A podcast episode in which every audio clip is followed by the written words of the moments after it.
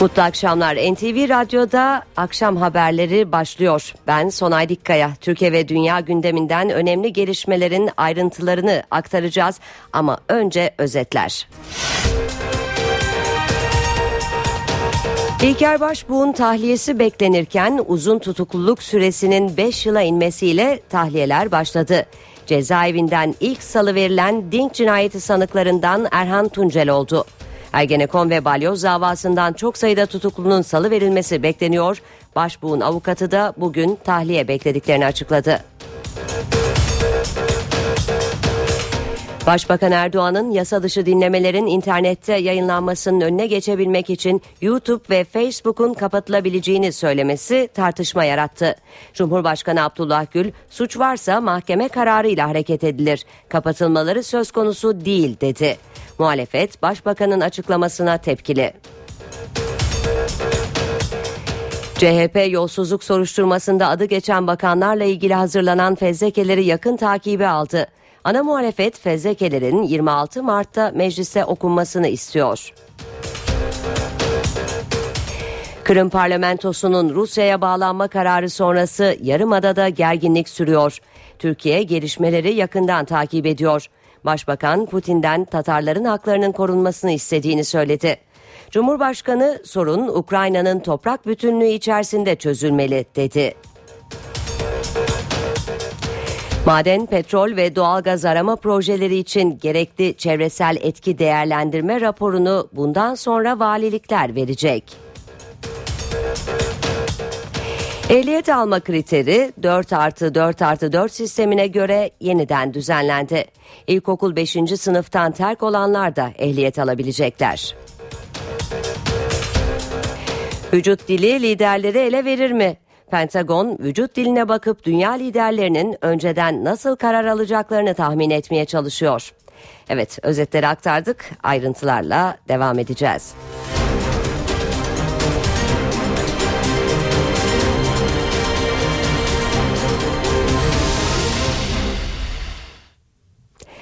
Ve gelişmelerin ayrıntıları Tutukluluk süresini 5 yılla sınırlayan yasal düzenleme yürürlüğe girdi ve tahliyeler başladı. Anayasa Mahkemesi'nin kararının ardından Genelkurmay eski başkanı İlker Başbuğ'un tahliyesi beklenirken cezaevinden ilk serbest bırakılan Hrant Dink suikastı sanıklarından Erhan Tuncel olduğu ortaya çıktı. Ayrıntıları bize NTV muhabiri arkadaşımız Deniz Tüysüz aktaracak. Evet Deniz, tahliye gerekçesi neydi? Ayrıntılar neler? Seni dinleyelim sabah saatlerinde sabaha karşı daha doğrusu bulunduğu cezaevinden tahliye edildi. İstanbul 14. Ağır Ceza Mahkemesi'nden çıktı bu karar. Gazeteci Hrant Dink'in öldürülmesine ilişkin davada azmettirici olarak yargılanıyordu. Terörle Mücadele Kanunu'nun 10. maddesini kaldıran 6526'lı sayılı yasa dün yürürlüğe girdi. İşte bu yasa yürürlüğe girer, girer girmez de İstanbul 14. Ağır Ceza Mahkemesi'nde bulunan tahliye talebi değerlendirildi Erhan Tuncel'in. Erhan Tuncel 2007 yılında cezaevine girmişti ve 5 yıl 5 aydır hapis yatıyordu. Ancak geçtiğimiz senelerde İstanbul 14. Ağır Ceza Mahkemesi hakkında karar hakkında karar vermiş. Ancak bu karar Yargıtay tarafından bozulmuştu. Yargıtay Erhan Tuncel'in örgüt üyeliğinden de yargılanması gerektiğini dile getirmişti. E, bu kararla birlikte Erhan Tuncay İstanbul 14. Ceza Mahkemesi'nin verdiği kararla Erhan Tuncel tahliye edilmişti. Ancak Yargıtay'ın verdiği kararla birlikte de tekrar hakkında yakalama kararı çıkartılmıştı. Yaklaşık bir buçuk aydır da kendisi tekrar cezaevine alınmıştı. Bir buçuk aydır tutukluydu. Ancak tüm bu gelişmelerin ardından avukatı aracılığıyla bir tahliye talebi dile getirildi İstanbul 14. Ağır Ceza Mahkemesi'ne. 14. Ağır Ceza Mahkemesi de yeni yasanın gereğiyle bu e, tahliye kararını verdi. Evet gözler İlker Başbuğ hakkında karar verecek mahkemede şimdi. Başbuğ'un avukatı İlkay Sezer, Ergenekon davasını karara bağlayan yerel mahkemenin ardından özel yetkili mahkemelerin kaldırılması nedeniyle bugün de İstanbul 18. Ağır Ceza Mahkemesi'ne tahliye talebini içeren dilekçeyi sundu. Avukat Sezer, Başbuğ'un bugün tahliye olmasını beklediklerini açıkladı. 18. Ağır Ceza Mahkemesi'ne geldik. Anayasa Mahkemesi'nin ihlal kararının değerlendirilmesini, müvekkilimizin tahliye edilmesini talep ettik. İstanbul 18. Ağır Ceza Mahkemesi dosyalara tevzi nöbeti olarak adlandırdığı görevle baktığını belirterek talebimizi tevzi etti. Şu an itibarıyla 20. Ağır Ceza Mahkemesi Anayasa Mahkemesi'nin ihlal kararı doğrultusunda bir değerlendirme yapıp karar vermek durumunda. Biz de bu kararı bekleyeceğiz. Değerlendirmelerin devam ettiğini öğrendim kalemden. İddia makamının bir mütalaa verdiğini kanun yürürlüğe girmeden önceki saatlerde duydum. Mütalaanın içeriğini öğrenmek istedim. Mütalaanın içeriği bana gösterilmedi. Anayasa Mahkemesi'nin Haberal dosyasında savcı mütalasının gösterilmemesi, tebliğ edilmemesinin ihlal kararı olduğuna dair hatırlatmayı da yapmış olmama rağmen ben iddia makamının düşüncesini öğrenebilmiş değilim. Anayasa Mahkemesi'nin kararını, Balbay kararını beraber değerlendirirsek arkadaşlar buradan derhal ivedilikle bir tahliye kararı çıkması gerekir. Bugün görüşmelerini bekleriz. Ve bu konudaki değerlendirmelere bakalım. Cumhurbaşkanı Abdullah Gül yüksek mahkemenin kararını önemsediğini, ilgili mahkemenin bunu dikkate alması gerektiğini söyledi. Başından beri uzun tutukluluğun haksızlık olduğunu ve cezaya dönüştüğünü hep söylerim. Ayrıca tabii ki bir eski Genelkurmay Başkanı Sayın e, Başbuğ'la ilgili müracaatı Anayasa Mahkemesi'nin oy birliğiyle almış olmasını da değerli bir karar olarak görüyorum ve eminim ki ilgili mahkemeler e, bütün bunları hep dikkate alarak prosedür neyse onu yapacaklardır. Başbakan yardımcısı Bülent Arınç ise belki doğrudan tahliye öngörülmüyor ama bu yönde karar çıkabilir dedi. Bugün de eski Genelkurmay Başkanı Sayın Başbuğ'la ilgili olarak verilen kararın özetini okudum. Kararı çok doğru buluyorum. Yerinde buluyorum. Ancak bunu diğer kararlarla e, tamamen örtüştüğünü söyleyemem. Bu da e, kişisel hakların ihlal edildiği noktasında e, bir karar. Bu karar doğrudan belki tahliyeyi öngörmüyor ama geniş itibarıyla aldığınız zaman dolaylı hedeflediği bazı noktalar itibariyle belki tahliyenin de olabileceğini düşünebiliriz. Konu CHP Genel Başkanı Kemal Kılıçdaroğlu'nun da gündemindeydi. Kılıçdaroğlu Silivri'de başbuğ dahil masum insanlar yatıyor derken eleştiriliyorduk. Anayasa Mahkemesi haklılığımızı ortaya çıkardı dedi.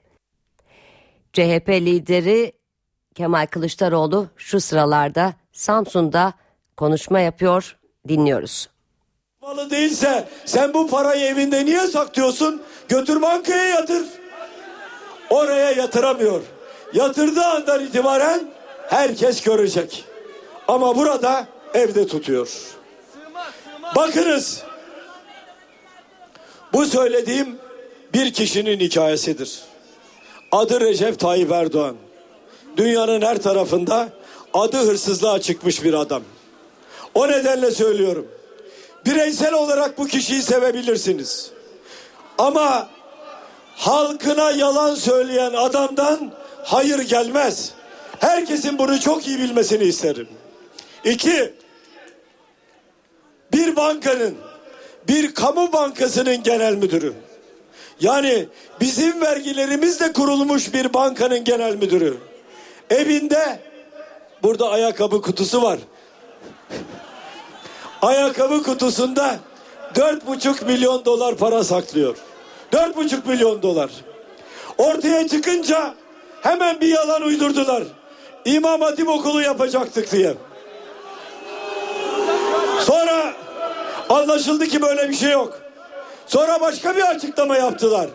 Bosna'daki üniversiteye gönderecektik diye. Bosna'daki üniversite açıklama yaptı. Bizim haram paraya ihtiyacımız yok. Parayı gönderirseniz banka havalesiyle gönderirsiniz ya. Öyle ayakkabı kutusunda Bosna'ya para mı gider? Adamların her tarafı yalan. Bir de size bakanları anlatacağım. Bir de bakanları anlatacağım size değerli arkadaşlarım. Onlar da ilginç. Bir hükümet düşünün. Devleti soyuyor. Hükümet. Erdoğan şöyle bir hareket yapıyordu değil mi? Ne demekti bu? Dört bakan bir baş çalan. İşareti bu. Bakın şimdi. Devletin savcısının hazırladığı fezlekeden okuyorum. Devletin savcısının hazırladığı fezlekeden okuyorum. Ekonomi Bakanı Zafer Çağlayan 28 defada toplam 52 milyon dolar rüşvet almış. Bu rakam bana ait bir rakam değil. Cumhuriyet Halk Partisi'ne de ait bir rakam değil. Devletin savcısının düzenlediği fezlekede yer alan rakam. Tam ekonomi bakanı. Tam cebini düşünmüş. 28 seferde 52 milyon dolar. Bunun içine 700 bin liralık kol saati dahil değil. Eski parayla 700 milyarlık kol saati dahil değil. Şimdi ben Adalet ve Kalkınma Partisi'ne oy veren saygıdeğer yurttaşlarıma sesleniyorum. Sakın ola ki sizi asla ve asla bu yolsuzluk olaylarıyla ilişkilendirmiyorum.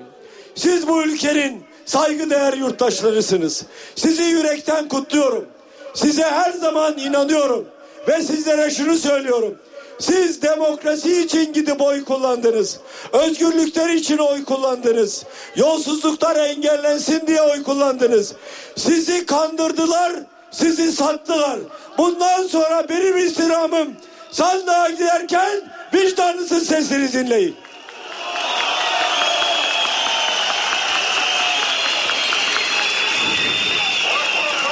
Diğer bakan, diğer bakan.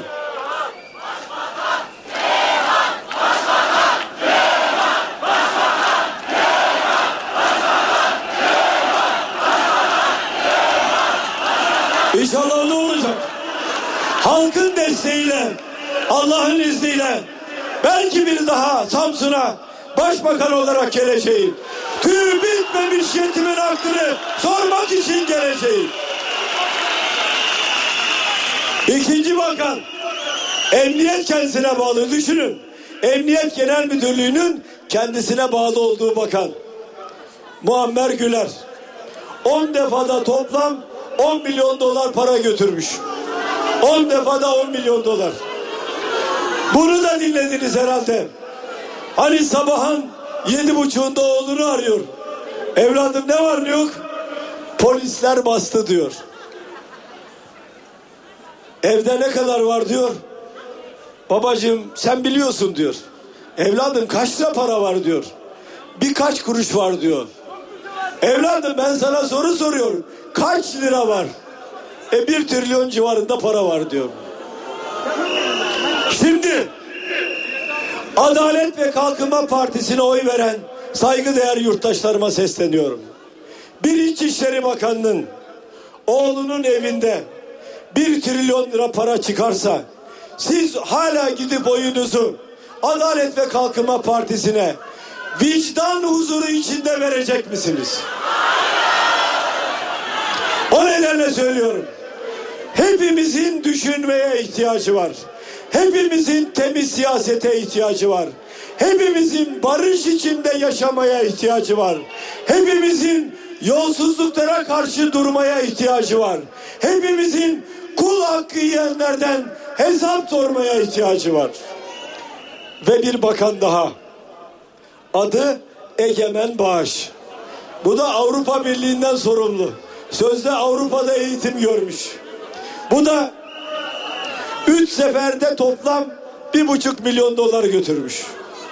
Bunun özelliği şu. Neden diyeceksiniz bu kadar az burun ki? Efendim bunlar rüşvetler Rıza Sarraf'ın dediğine göre onun ses kaydı Egemen Bağış'a çikolata kutusu içinde ancak 500 bin dolar gönderiyor bir kutuda. Üç kutu bir buçuk milyon dolar. Sevgili dostlarım bu hikaye bitmez. Bu hikayeyi bitirecek olan sizlersiniz. Sandığa gideceğiz. Siz Türkiye Cumhuriyeti Devleti'ni soyan bir hükümetle karşı karşıyasınız. Türkiye Cumhuriyeti Devleti'ni soyan bir hükümetle karşı karşıyayız. Bakınız esnaf hayatından memnun değil. Esnaf kardeşime söylüyorum. Senin emekli aylığından çalışmaya başladığın zaman yüzde on beş sosyal güvenlik destek birimi kesiliyor. Ben sana söz veriyorum. Cumhuriyet Halk Partisi'nin genel başkanı olarak söz veriyorum. Cumhuriyet Halk Partisi iktidarında senin aylığından değil yüzde on beş bir kuruş bile kesilmeyecektir. Söz veriyorum sana. Bu ülkenin çiftçisine sesleniyorum. Alın terinin karşılığını alamıyorsun. Mazotu sana 5 liradan satıyorlar litresini. Dünyanın en pahalı mazotunu alıyorsun. Sana sözüm. Cumhuriyet Halk Partisi Genel Başkanı olarak sana sözüm. Mazotun litresini bir buçuk lira yapacağım ve çiftçi bir buçuk liradan alacak.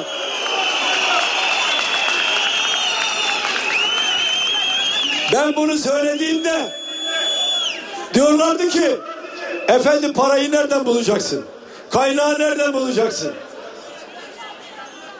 17 Aralık yolsuzluk ve rüşvet operasyonunun maliyeti 85 milyar avrodur. 247 milyar liradır. Eski parayla 247 katrilyon liradır. Size sözüm, namus sözüm. Cumhuriyet Halk Partisi iktidarında bunların burunlarından fitil fitil getirip o paranın tamamını alacağım.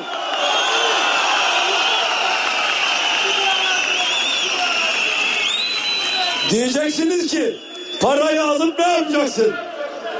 Bu ülkenin işçisine, çiftçisine, emeklisine, esnafına, sanatkarına ve bir de bir propaganda daha yapıyorlar. Efendim CHP gelirse gelir desteğini kesecekmiş. Engellilere yardım yapılıyor onları kesecekmiş. Ya niye keselim? Tam tersine size çok daha fazla para vereceğiz. Çünkü hortumları keseceğiz biz.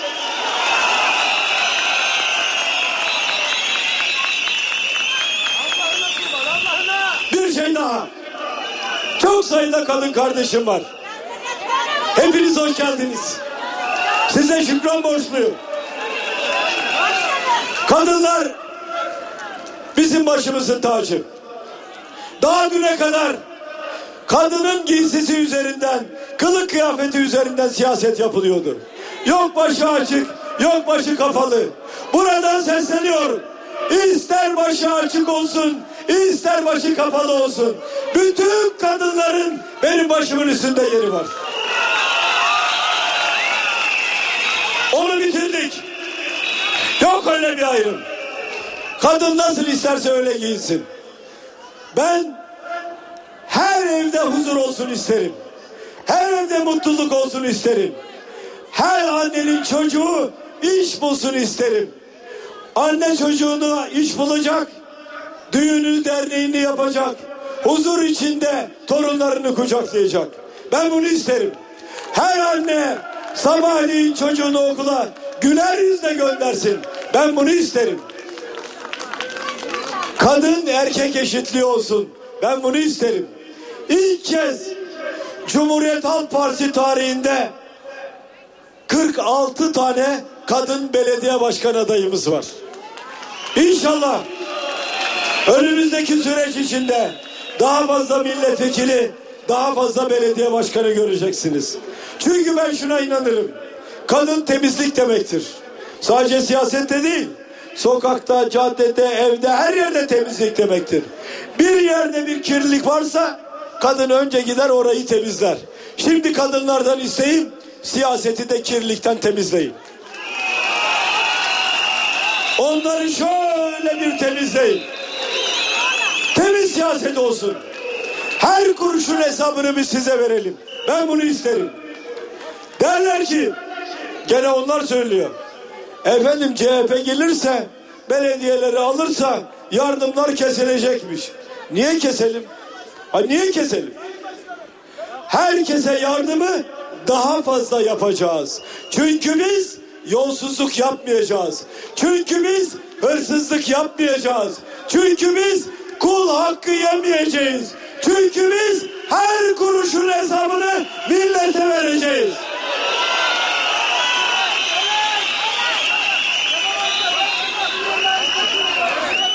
Diyorlar ki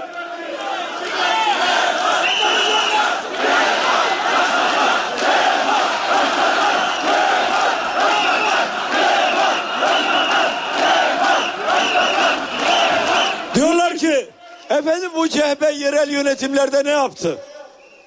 Ben söyleyeyim. Bir, Türkiye'ye ilk kez metroyu getiren parti Cumhuriyet Halk Partisi'dir. İlk kez metroyu getiren, Türkiye ile metroyu tanıştıran parti Cumhuriyet Halk Partisi'dir. İki, kentsel dönüşümü yerinde yapan, ev sahiplerinin davul zurnayla kendi evlerini yıktıkları ve orada aynı yerde ev sahibi olduklarını sağlayan parti yine Cumhuriyet Halk Partisi'dir. Biz adamların evini yıkıp onları şehrin varoşlarına göndermiyoruz. Oradaki ev yıkılacaksa yıkılacak ama orada ev sahibi olacak.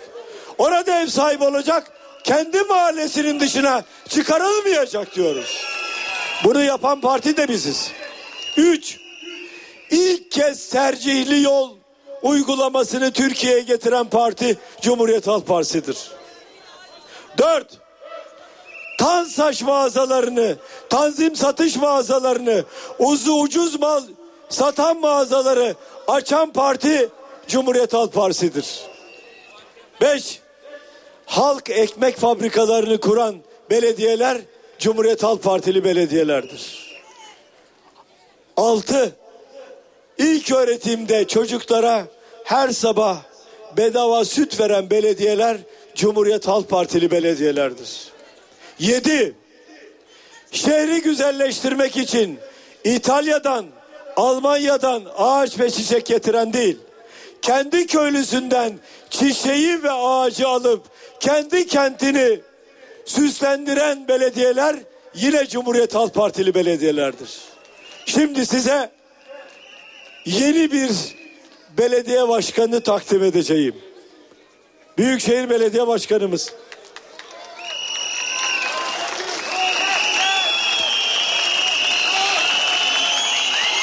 Tarık Cengiz.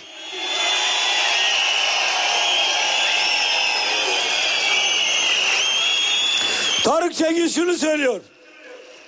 Belediye başkanı seçildiğim gün taşeron uygulamasına son vereceğim. Bütün işçiler sendikalı olacak. Söz. Söz. İki. Siz bu miting meydanına çevreden gelmek için üç ayrı araç değiştiriyorsunuz. Başkan diyor ki kaldıracağım bir araçla herkes Samsun'un göbeğine gelecek. Söz mü? Söz.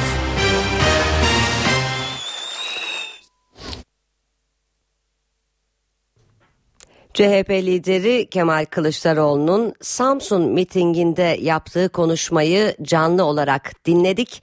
Bir son dakika gelişmesi Başbu için tahliye kararı spotuyla yansıyor. Mahkeme İlker Başbu için tahliye kararı verdi. Son dakika gelişmesinin ayrıntıları birazdan. Şimdi kısa bir reklam arası veriyoruz.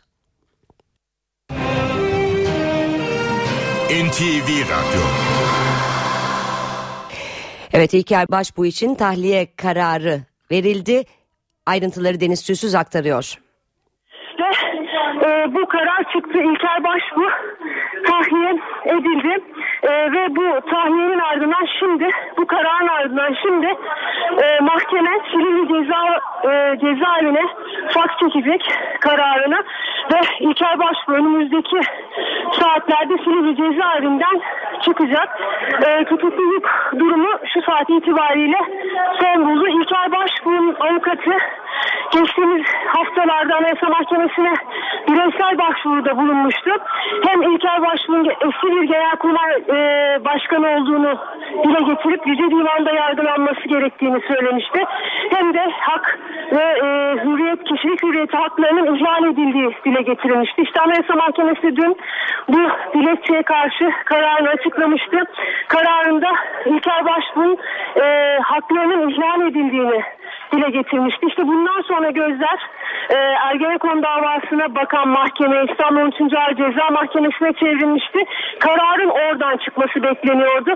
Ancak özel e, yetkili mahkemelerinin e, kaldırılmasıyla birlikte bu karar nöbetçi ağır ceza mahkemesine e, gönderildi. Önümüzdeki dakikalarda biraz önce de belirttiğim gibi İlker Başbuğ'un avukatı bir açıklama yapacak. Olsak sever bilgileri tekrar size aktaracağız.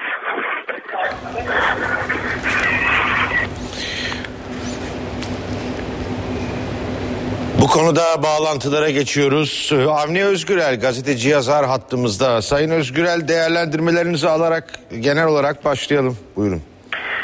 Yani e, dün akşam üzeri de sizinle konuştuk. E, bu belki de bu e, davada e, dosyada e, o mas, e, hakkı yenen ya da masum e, oldukları e, düşünülebilecek insanlar içerisinde önde gelen isimlerden birisiydi e, İlker Başbuğ. E, haksızlığa uğradığını artık e, e, Başbakanın da e, daha tutuklama kararıyla e, birlikte söylemeye başladığı bir isimdi. E, o bakımdan bu e, gecikmiş bir e, serbest kalış. Ama bu mahkumiyet kararı ne noktadadır, ne olacak bundan sonrası? İşin o tarafı ayrı. E, yalnız e, bir, bir Anayasa Mahkemesi'nin kararıyla birlikte e, herkesi e, o davada yargılanan herkesi ki bunların içerisinde işte Veli Küçükpaşa'yı da alın yani pek çok isim de var. Herkesi bir e, masumlar şemsiyesi altında e, görüp toplamaya e, herhalde imkan yok. E, o bakımdan bu değerlendirmelerin, bu ayrımların çok dikkatli e, yapılması icap eder. E, söz konusu e, tahliye kararıyla alakalı olarak dün de tartıştık. E, bana göre doğrusu yapılmıştır. E, artık görevi so, sona ermiş olan mahkemenin Evet. bu şeyi e, bu müdahalesi zaten içe sindirilebilecek bir şey değildi. O bakımdan e, ben e, esas bundan sonra e, o yenilenecek olan e, da, duruşmalar, davalarda daha fazla mağduriyete sebebiyet vermemek adına kimi sanıklarla ilgili acil bazı kararların Peki. alınması gerektiğini düşünüyorum. Sayın Özgürel çok teşekkür ediyoruz. Sağ olun ayrıntılara da girdiniz. Ceza hukukçusu Ersan Şen bizlerle birlikte. Sayın Şen e, şöyle başlayalım. Emsal olması durumu var mı bu kararın yoksa herkes tek tek Anayasa Mahkemesi'ne mi başvuracak eğer böyle olursa? E, tabii tek tek Anayasa Mahkemesi'ne başvurmaması gerekir. Tabii emsal olması lazım. Ee, Sayın Özgürel de biraz önce ifade etti. Konuyu da akşamda tartışmıştık. Bence incelemeyi 13. Ağır Ceza Mahkemesi yapabilirdi. Ancak kanunun bir geçici maddesinden hareketle böyle bir yöntem izlendi. Şunun da artık arkasında değiliz. Çünkü sonuca sevindirici bulduğumuz için 5 milyon sayfeden ibaret bu dosyanın zaten incelenmesi bu şekilde mümkün değildi. Anladığımız kadarıyla Anayasa Mahkemesi'nin hak ihlal tespiti yani gerekçeli kararı yazamadığı için hak ihlali yapıldı. Kişinin de bu nedenle dosyadan el çekildiğinden bahisle tutukluluk durumunun incelenmemesini, tahliye talebinin değerlendirilmemesini yanlış görmüş. Yerel mahkemede 20. Ağır Ceza Mahkemesi sonuçta bir tahliye kararı verdi. Soru olarak cevabım elbette emsal olacak.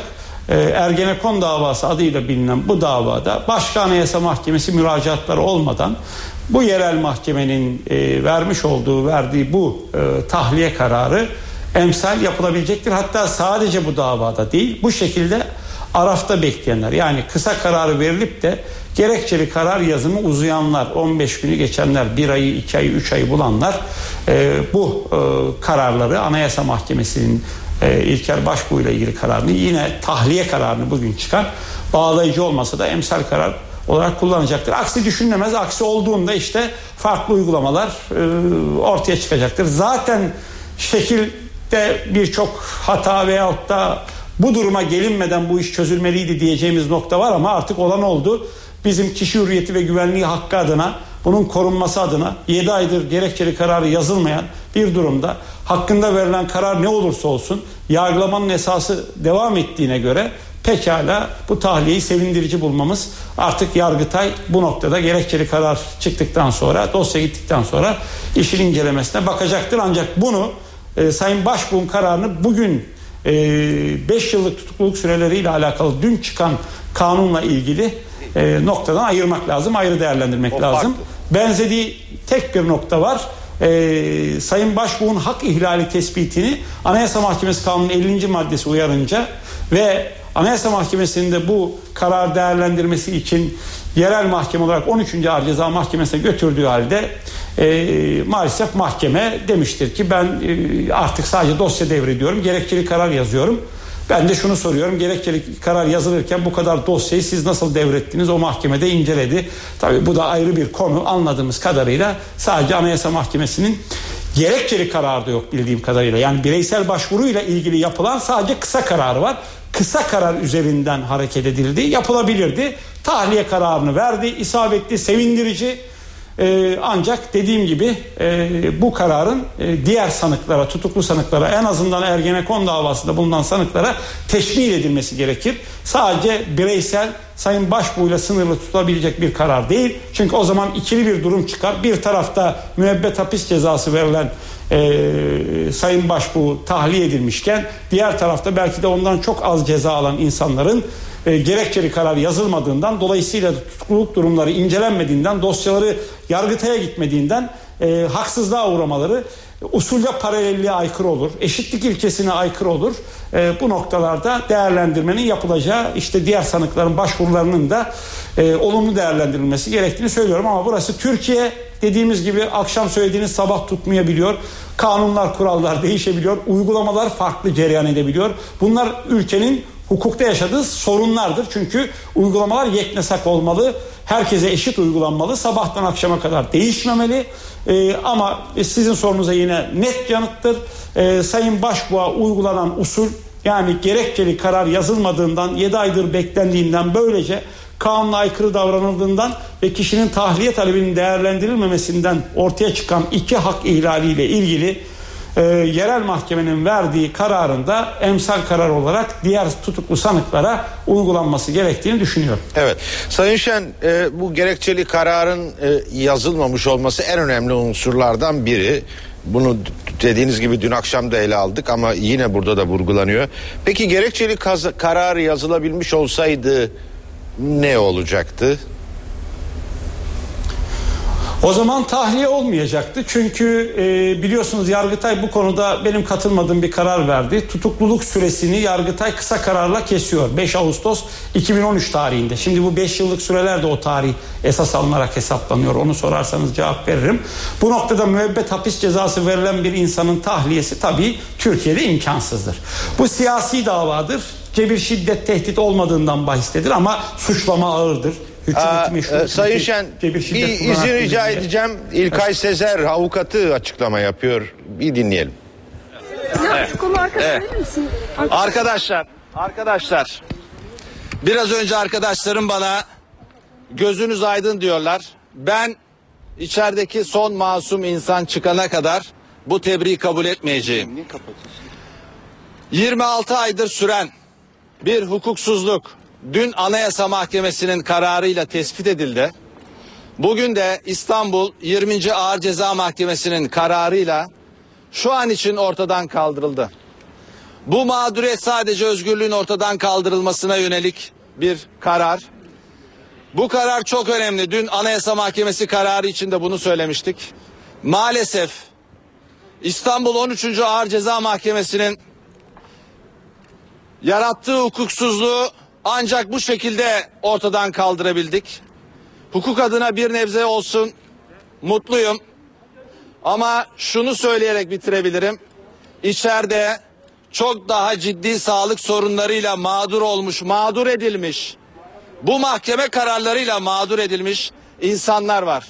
Ümit ediyorum tez zamanda onların dosyaları da bu şekilde önce özgürlükleri iade edilmek suretiyle sonra da haklarında beraat kararı verilmek suretiyle çözülür. Ben Türk Silahlı Kuvvetlerine komutanlık yapmış, normal görev süresinde emekli olmuş bir insanın bu şekilde mağdur edilebileceğini hayatım boyunca tahmin etmezdim. Sanıyorum bu konuda da yalnız değilim. Ancak birileri çıktı asılsız, gerçeksiz düzmece delillerle mağduriyetler yarattılar.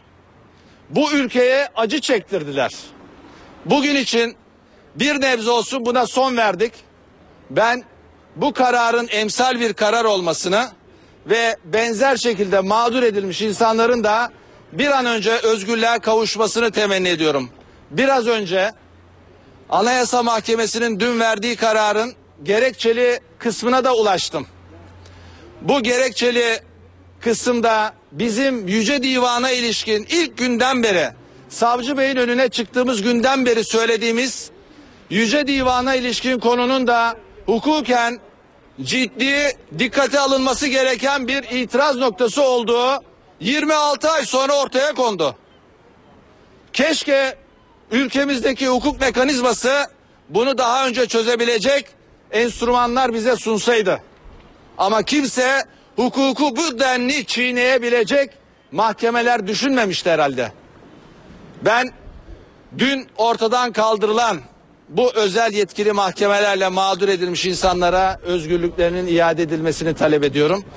Hayırlı olsun. Teşekkür ederim. Bir sorunuz varsa bir iki soruya cevap vereyim. Peki. İyi akşamlar.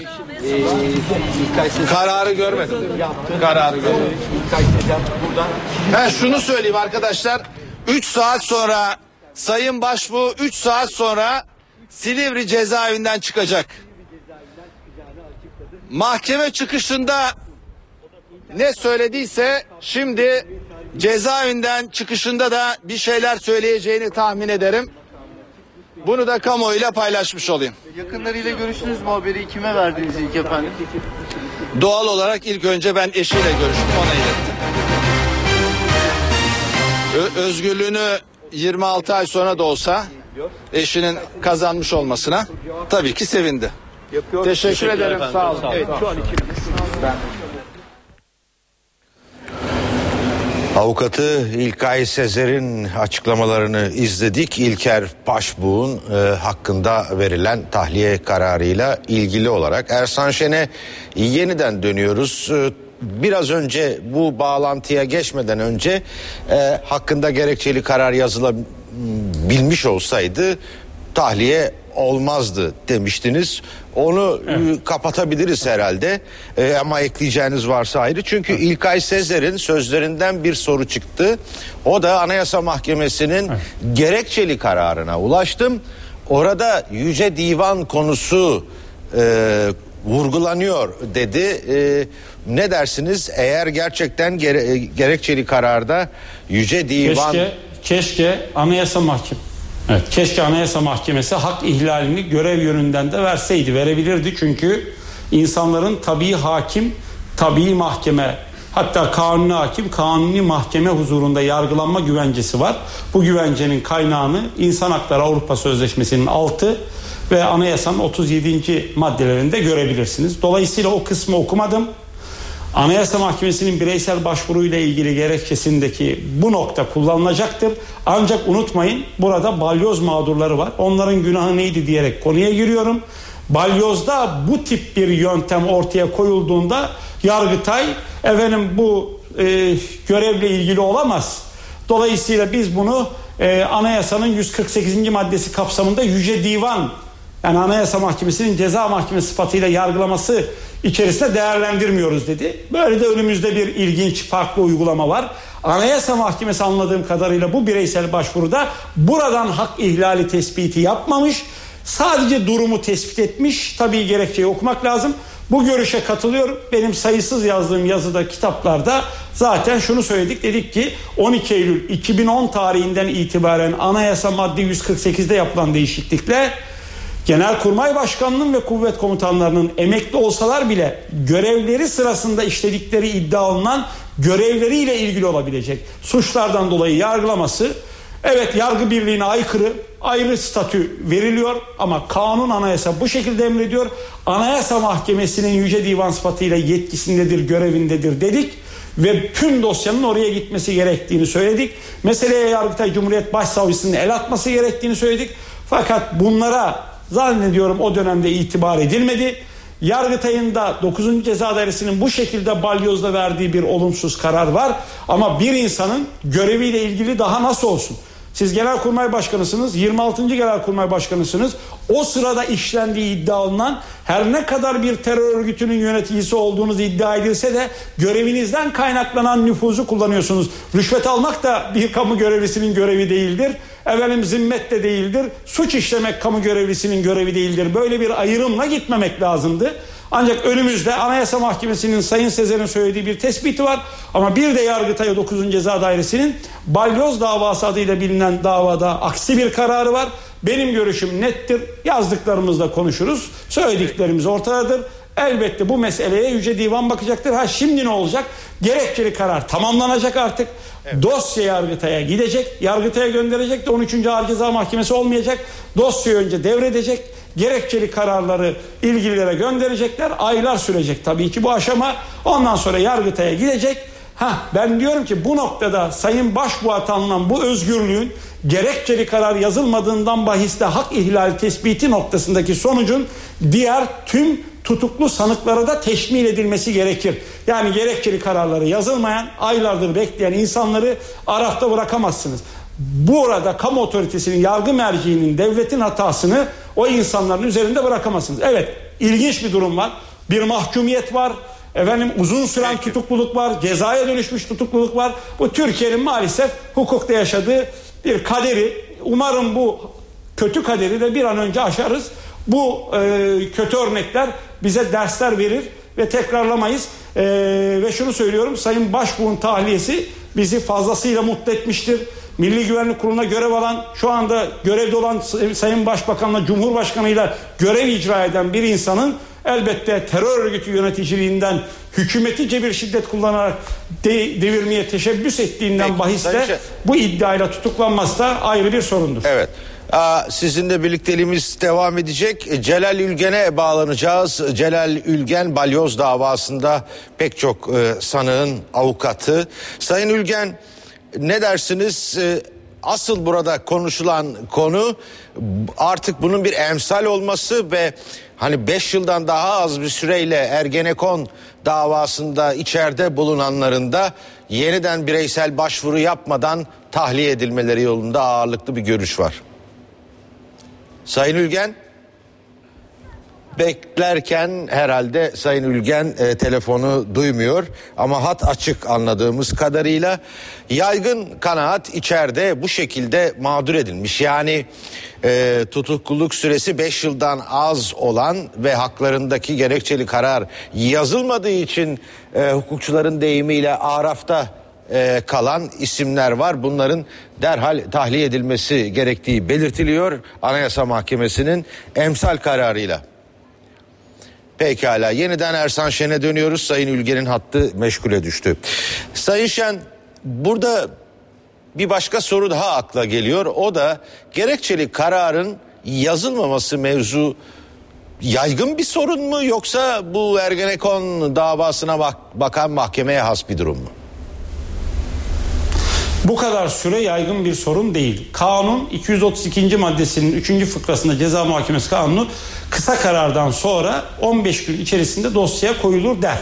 O genelde bu süre bir ayı bulur. Azami bir buçuk aydır. Ama yedi aylık bir sürenin kabulü izahı mümkün değil. Hangi gerekçeyle olursa olsun özellikle tutuklu sanıkları adalette gecikmeye yol açacak bu tür uygulamaların olmaması lazım.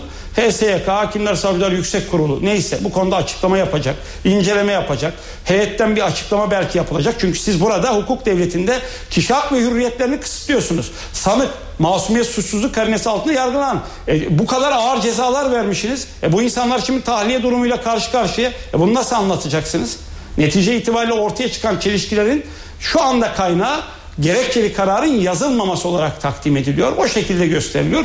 Burada tabii şunu da söylemek lazım Sayın Aksever. 5 yıllık sürenin dolmasından kaynaklı tahliyeleri burayla birbirine karıştırmamak lazım. Bizim elbette, konuştuğumuz elbette. sizin biraz önce isabetli deyiminizde arafta kalan olarak nitelendirdiğimiz kısa kararları verilenler haklarında fakat gerekçeli kararları kanunun öngördüğü sürelerde yazılamayanların tutukluluk durumlarının maalesef dosyadan el çekildiği için incelememesinden kaynaklanan sorundur.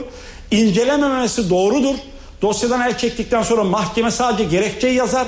Yargıtay inceler bu andan itibaren ceza muhakemesi kanunu 104. maddesinin evet. 3. fıkrası. Fakat ben Türkiye'de artık Türkkun'da bu toz dumanda net şu şudur diyemiyorum. Mesela Peki. dün akşam sizin yanınızda ne dedim ben? Hak ihlaline 13. Ağır Ceza Mahkemesi bakmadı ama evet. bakmadı. Bir başka yere gönderdi. O da çok kısa bir incelemeyle sonuçlandırdı. Evet. Ee, ne diyeceğiz?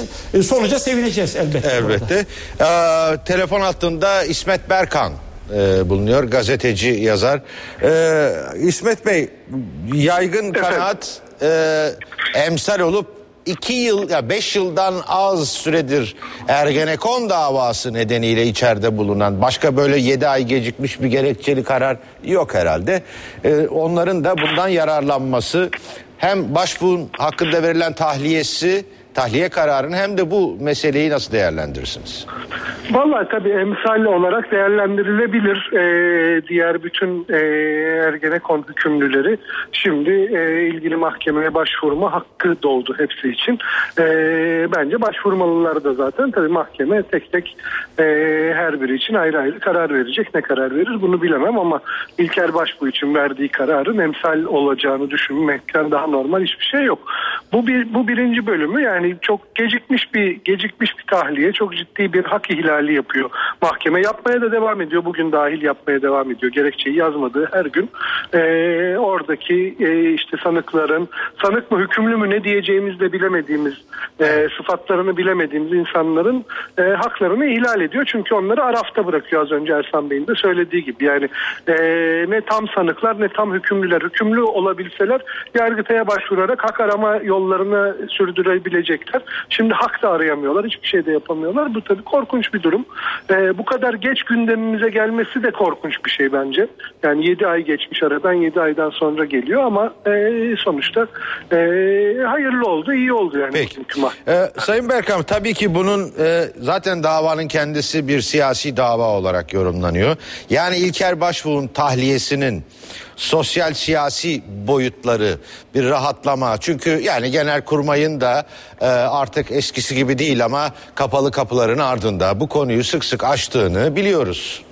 Bunun etkileri ne dersiniz bu tahliyenin? Şimdi, şimdi hiç, etkileri? hiç kuşkusuz hiç kuşkusuz önemli siyasi etkileri de olacaktır bunun. Ee, burada bir de şunu da unutmayalım. Ee, bu kararlar, bu bu mahkeme kararları şimdi başka KCK davalarında da bir takım salı vermeler olacak. Çünkü 5 yıl aşan tutuklulukların hepsi e, salı verilmek zorunda kanuna göre artık. E, bunların hepsinin birer toplu etkisi olacaktır. Bu etkileri de neden yaşıyoruz sorusuna da cevap bulmak lazım. 17 Aralık sonrası girilen süreçte hükümetin alelacele meclisten geçirdiği yasalar sebebiyle. Halbuki ben en azından İlker Başbuğ'un durumu için biliyorum. Ee, Başbakan çünkü birinci günden itibaren itiraz etti bu duruma. Ee, daha o zamandan bu müdahaleyi yapabilirdi hükümet. Ee, yani meclisten bir yasa geçirerek e, İlker Başbuğ gibi insanların bu şekilde tutuklanmasının önüne geçebilirdi ya da e, yargılamanın e, terör örgütü liderliğinden değil de başka suçu e, başka suçlardan olmasını sağlayacak e, düzenlemeler yapabilirdi. Ümit edelim ki aslında İlker Başbuğ'un durumunu yani İlker Başbuğ için şu anda sadece bir tedbir kararı kalkıyor. E, unutmayalım ki İlker Başbuğ müebbet hapse mahkum mahkum edildi.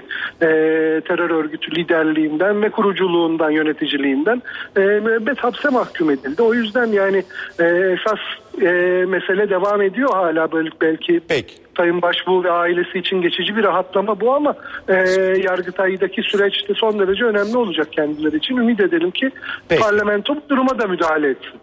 Peki çok çok teşekkür ediyoruz sağ olun. Deniz Tüysüz'e döneceğiz çünkü İlker Başbuğ hakkında verilen tahliye kararının önemli bir ayrıntısı var Deniz. Osaksever İstanbul 20. Ağır Ceza Mahkemesi 3 sayfalık bir karar yazdı İlker Başbuğ'un tahliyesine ilişkin. Öncelikli olarak kararı okumakla e, başlamak istiyorum.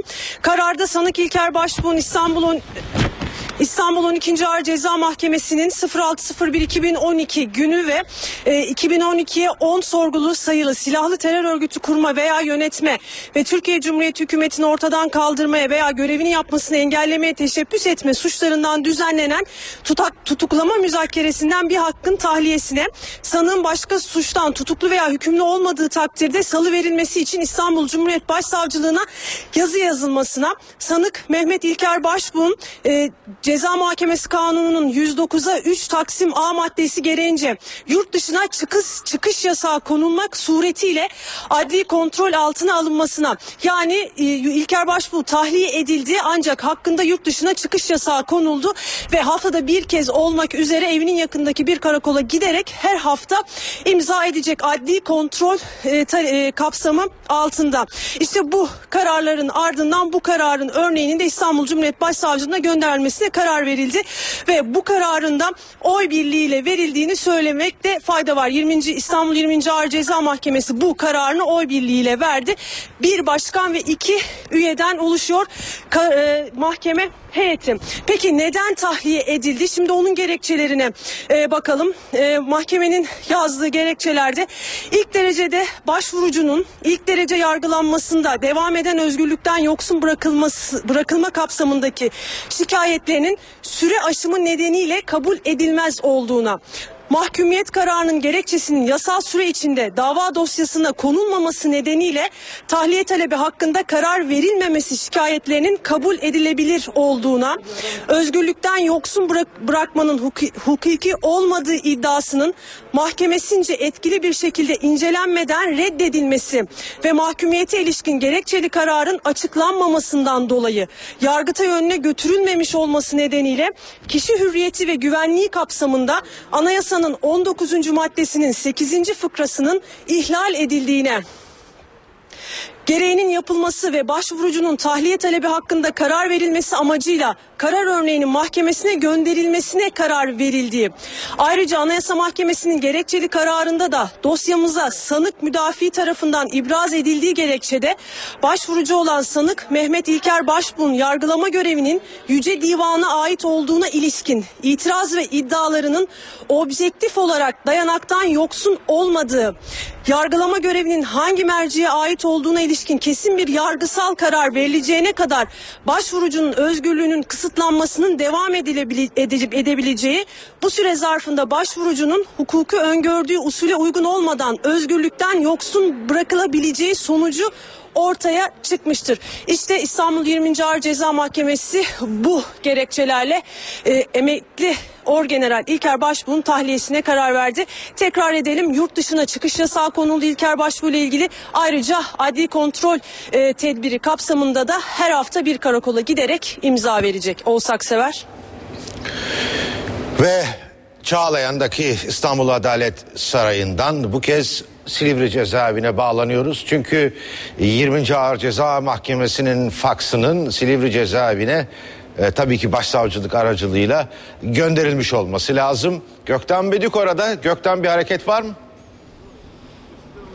Evet hareketlilik çok fazla. Emekli Genelkurmay Başkanı İlker Başbuğ tam 26 ay önce Silivri cezaevine girmişti. Özgürlüğe ulaşmak için artık seneleri değil saatleri sayıyor İlker Başbuğ. Çünkü avukatı İlkay Sezer de açıkladı. 3 saat sonra buradan cezaevinden tahliye edilmesini bekliyoruz. Ama sizin de söylediğiniz gibi öncelikli olarak mahkeme kararının cezaevine ulaşması bekleniyor.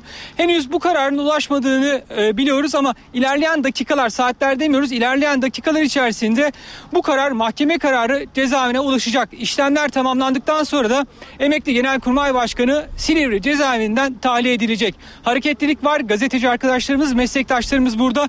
Yine buraya gazeteciler ve yakınları gelmeye başladığını haberini aldık. Elbette ki ailesi gelecek. Ailesinin gelmesi bekleniyor emekli Genelkurmay Başkanı'nın. Bu arada avukatı bir açıklama yaptı hatırlayacaksınız İlkay Sezer. E, emekli Genelkurmay Başkanı İlker Başbuğ tahliye edildikten sonra bir açıklaması yapması da bekleniyor. Cezaevinin önü şu anda son derece hareketli. Evet İlker Başbuğ 2012 yılında Ergenekon davasından tutuklanmıştı. Ergenekon davasında tutuklandıktan sonra o günden beri Silivri cezaevinde kalıyordu ve 8 aydır da biliyorsunuz gerekçeli kararının yazılması bekleniyordu. Biz e, dünden beri buradayız. Dünden beri 13. Ağır Ceza Mahkemesi'nin önünde bekliyorduk ama karar 20. Ağır Ceza Mahkemesi'nden çıktı. Şu anda da Silivri cezaevinin önünde önemli bir heyecan var. Ciddi bir heyecan var. Herkes İlker Başbuğ'un çıkışını bekliyor. Oğuz Aksever. Bu kez avukat Celal Ülgen'e bağlanıyoruz. Bir kez daha hatırlatmakta yarar var. Celal Ülgen balyoz davasında onun üzerinde bildiğim kadarıyla sanığın avukatıydı. Yani pek çok sanığın avukatı halen de olsa gerek. Sayın Ülgen merhaba. Merhaba. İyi ee, yayınlar diliyorum. Sağ olun. Tamam bir e, önemli olay yaşanıyor. Fakat burada sürekli olarak hangi hukukçuyla görüşsek üzerinde durulan konu Ergenekon davasında gerekçeli kararın işte 7 ay 8 ay bu kadar uzun bir süredir yazılmamış olması. Size göre neden? Evet. Evet şimdi e, aslında e, kamuoyuna yansımayan ama bizim e, mahkeme üyeleriyle gayri resmi e, görüşmelerimiz sırasında bize söylenen balyoz davası e, kararının yaklaşık 4 ay gibi bir sürede yazıldığı, e, balyozun en az 10 misli 15 misli yük, büyüklükte olan bir davanın gerekçeli kararının ise e, en az bunun iki katı bir sürede yazılabileceği yani Nisan ayında bitirilebileceği noktasındaydı.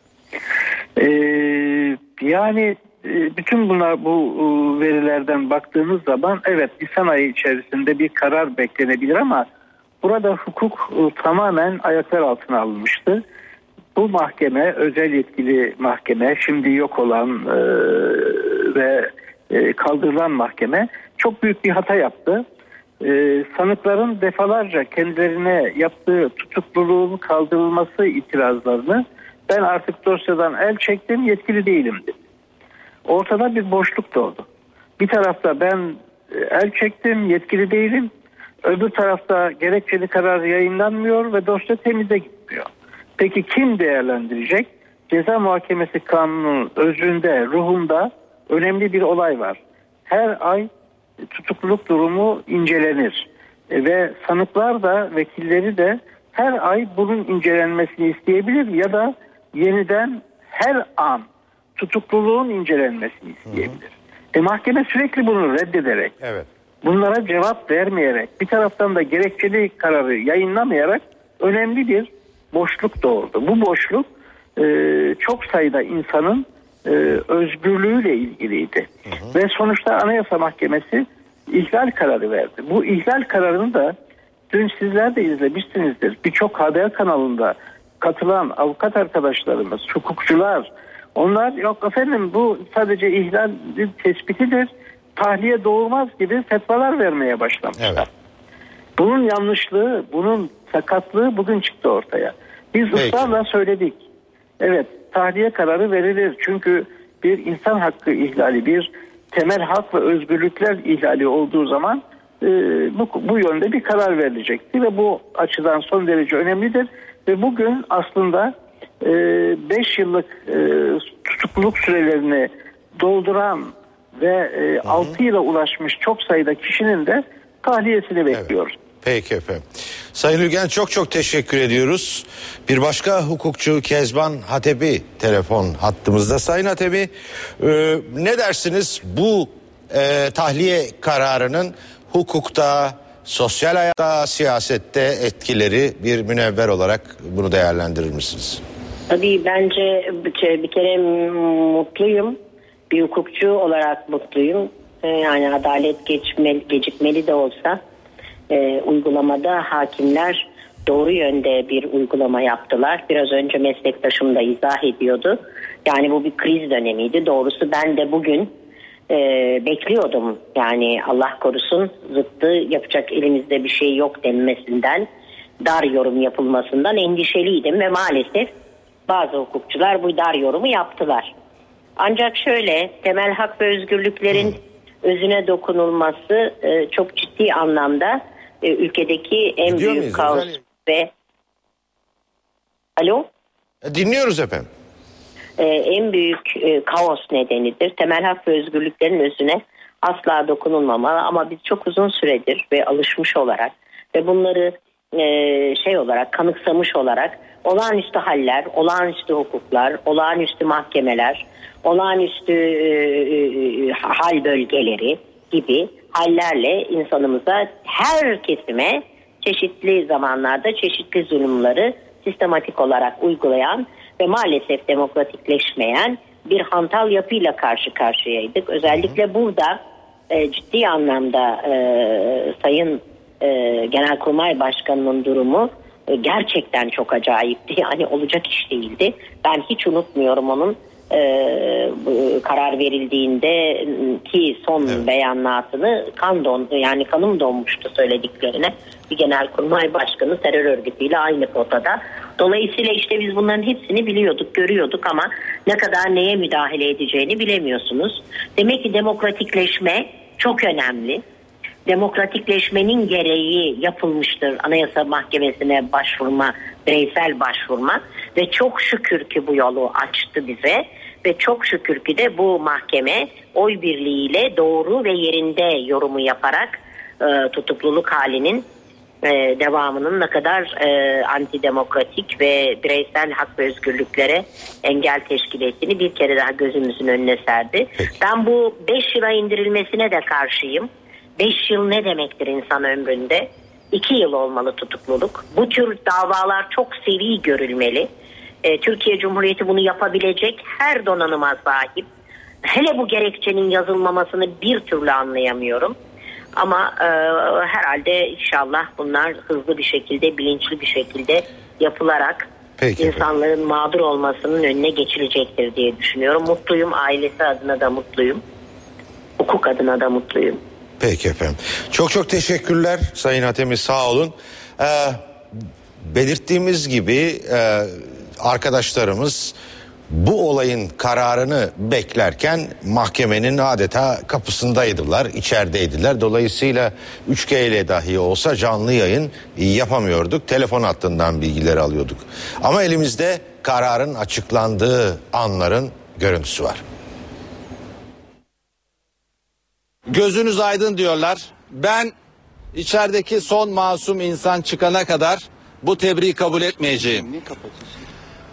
26 aydır süren bir hukuksuzluk dün Anayasa Mahkemesi'nin kararıyla tespit edildi. Bugün de İstanbul 20. Ağır Ceza Mahkemesi'nin kararıyla şu an için ortadan kaldırıldı. Bu mağduriyet sadece özgürlüğün ortadan kaldırılmasına yönelik bir karar. Bu karar çok önemli. İstanbul 13. Ağır Ceza Mahkemesi'nin yarattığı hukuksuzluğu ancak bu şekilde ortadan kaldırabildik. Ben Türk Silahlı Kuvvetlerine komutanlık yapmış, normal görev süresinde emekli olmuş bir insanın bu şekilde mağdur edilebileceğini hayatım boyunca tahmin etmezdim. Sanıyorum bu konuda da yalnız değilim.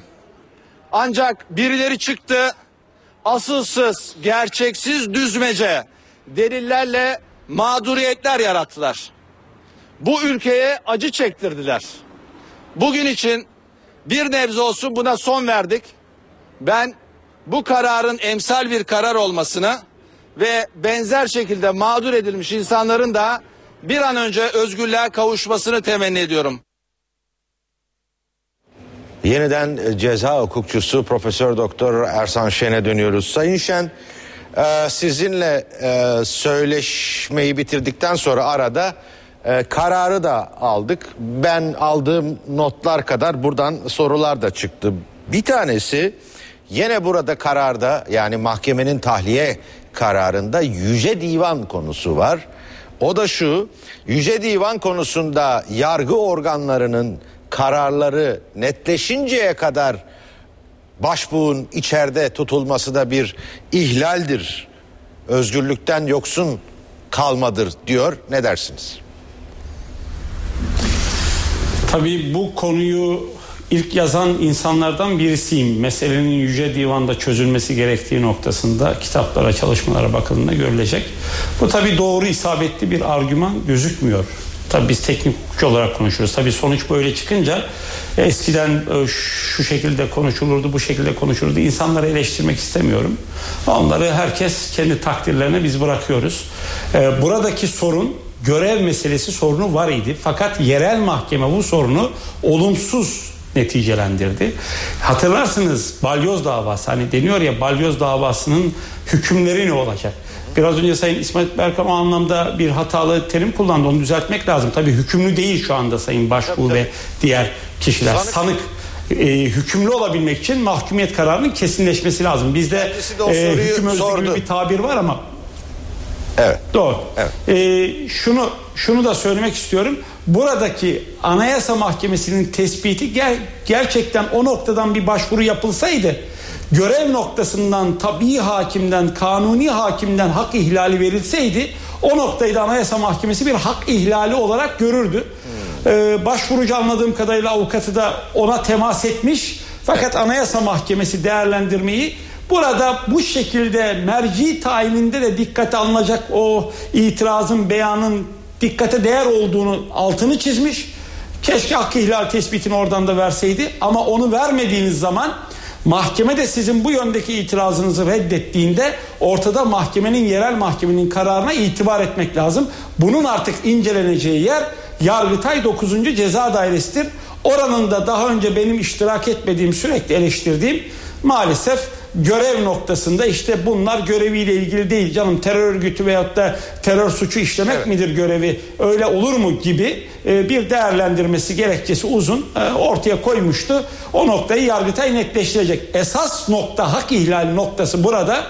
Daha önce keşke değerlendirilseydi Sayın Başbuğ'un durumu ama o da şu sizin çıkarmadığınız gerekçeli karar nedeniyle bir taraftan da incelemediğiniz aylık tutukluluk incelemesini anladığım kadarıyla yapamadığınız kişinin hürriyeti ve güvenliği hakkı bakın pekala oluyormuş. Bir insan adli kontrol tedbiri altına alıp yargılanmanın esasının başka, tutukluluğun evet. başka olduğunu görüyoruz. Sonra şu da önemli. Sayın Başbuğ vicdanlarda suçlu bulunmadı anlaşıldığı kadarıyla. Toplum desteği kazanmış. Siyasi dava yoksa siz müebbet hapis cezası verilen bugüne kadar sağlık sorunları dışında hakkında kısa karar verilen gerekçeli kararı 2-3 ayda da yazılı olsa herhangi tahliye edilen bırakılan bir insan gördünüz mü? Evet. Böyle bir durum söz konusu olabilir mi? Yani hem de şunu diyorsunuz diyorsunuz ki kısa karar verildikten sonra artık ben süreyi de hesaplamam. Yargıtay'ın da öyle bir kararı var. Ona evet. da katılmıyorum. Bu 5 yıl tutukluluk süresi uygulamasına da katılmıyorum. O süre 3 yıldır.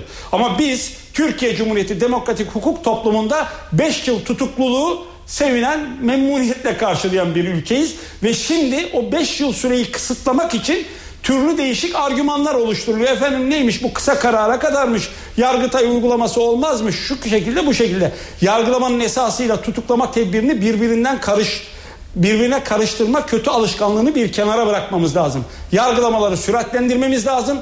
Ayrıca şunu söyleyeyim. Esas argüman budur. Sayın Başbuğ ile ilgili biz bunu göreceğiz, yaşayacağız. Gerekçeli kararda da göreceğiz.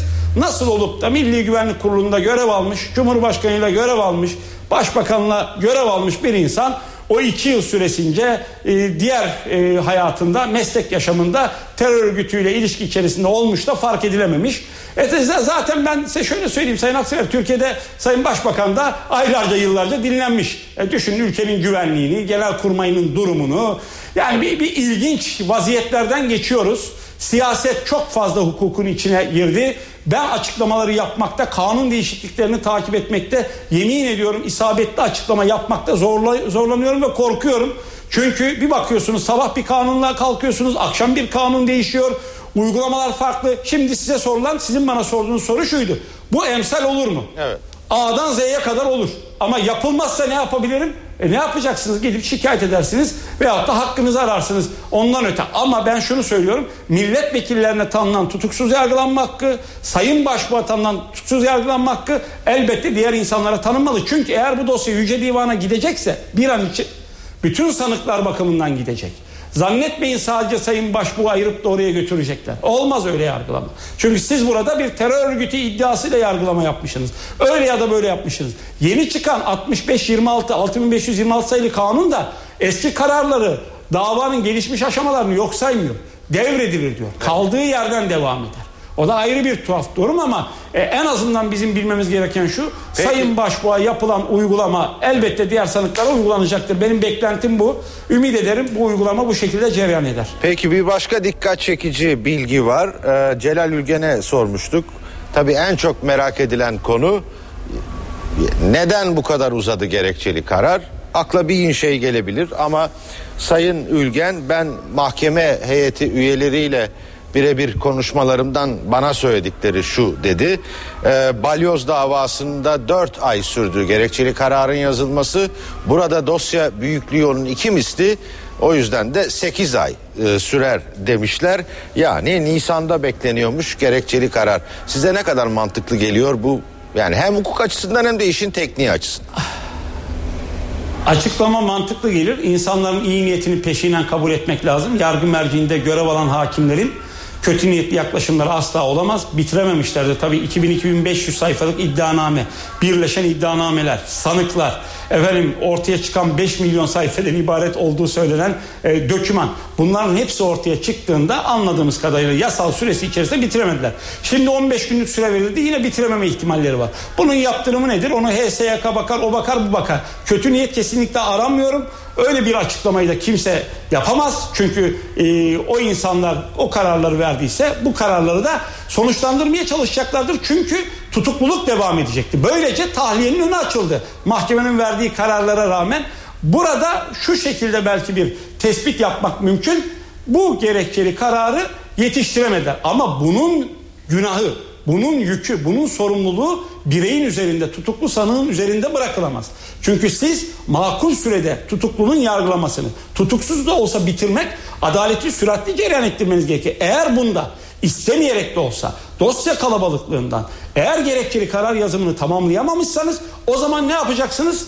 Siz o tutukluluk durumunu aylık inceleyecektiniz. Ama doğru bir şekilde mahkeme çelişkiye düştü. Doğruydu esasında. Ben dosyadan el çektim bakamam dedi. Gerekçeli karar yazıyor. Ama diğer taraftan dosyayı yargıtaya gönderemediği için aylık incelemeyi yapamadı. Tahliye taleplerini değerlendiremedi. O zaman da Anayasa Mahkemesi dedi ki onu tahliye et. Yerel mahkeme dedi ki o zaman tahliye ediyorum. 13. Ağır Ceza Mahkemesi bu incelemeyi yapsaydı belki de farklı karar verirdi. Çünkü Anayasa Mahkemesi'nin yaptığı tespit hak ihlalidir. Hak ihlali mutlaka sonuçta o mahkemeyi bağlamaz. Ama etki eder dikkate alınmalıdır. Ben tanımıyorum diyemez. Şu anda da yerel mahkeme, bir başka yerel mahkeme dosyayı bilmese de tutukluluk noktasından o hak ihlali tespitiyle tahliyeyle sonuçlanan bir kararı verdi. Bu Peki. karar efendim Yüce Divan'a gitme ihtimali vardır.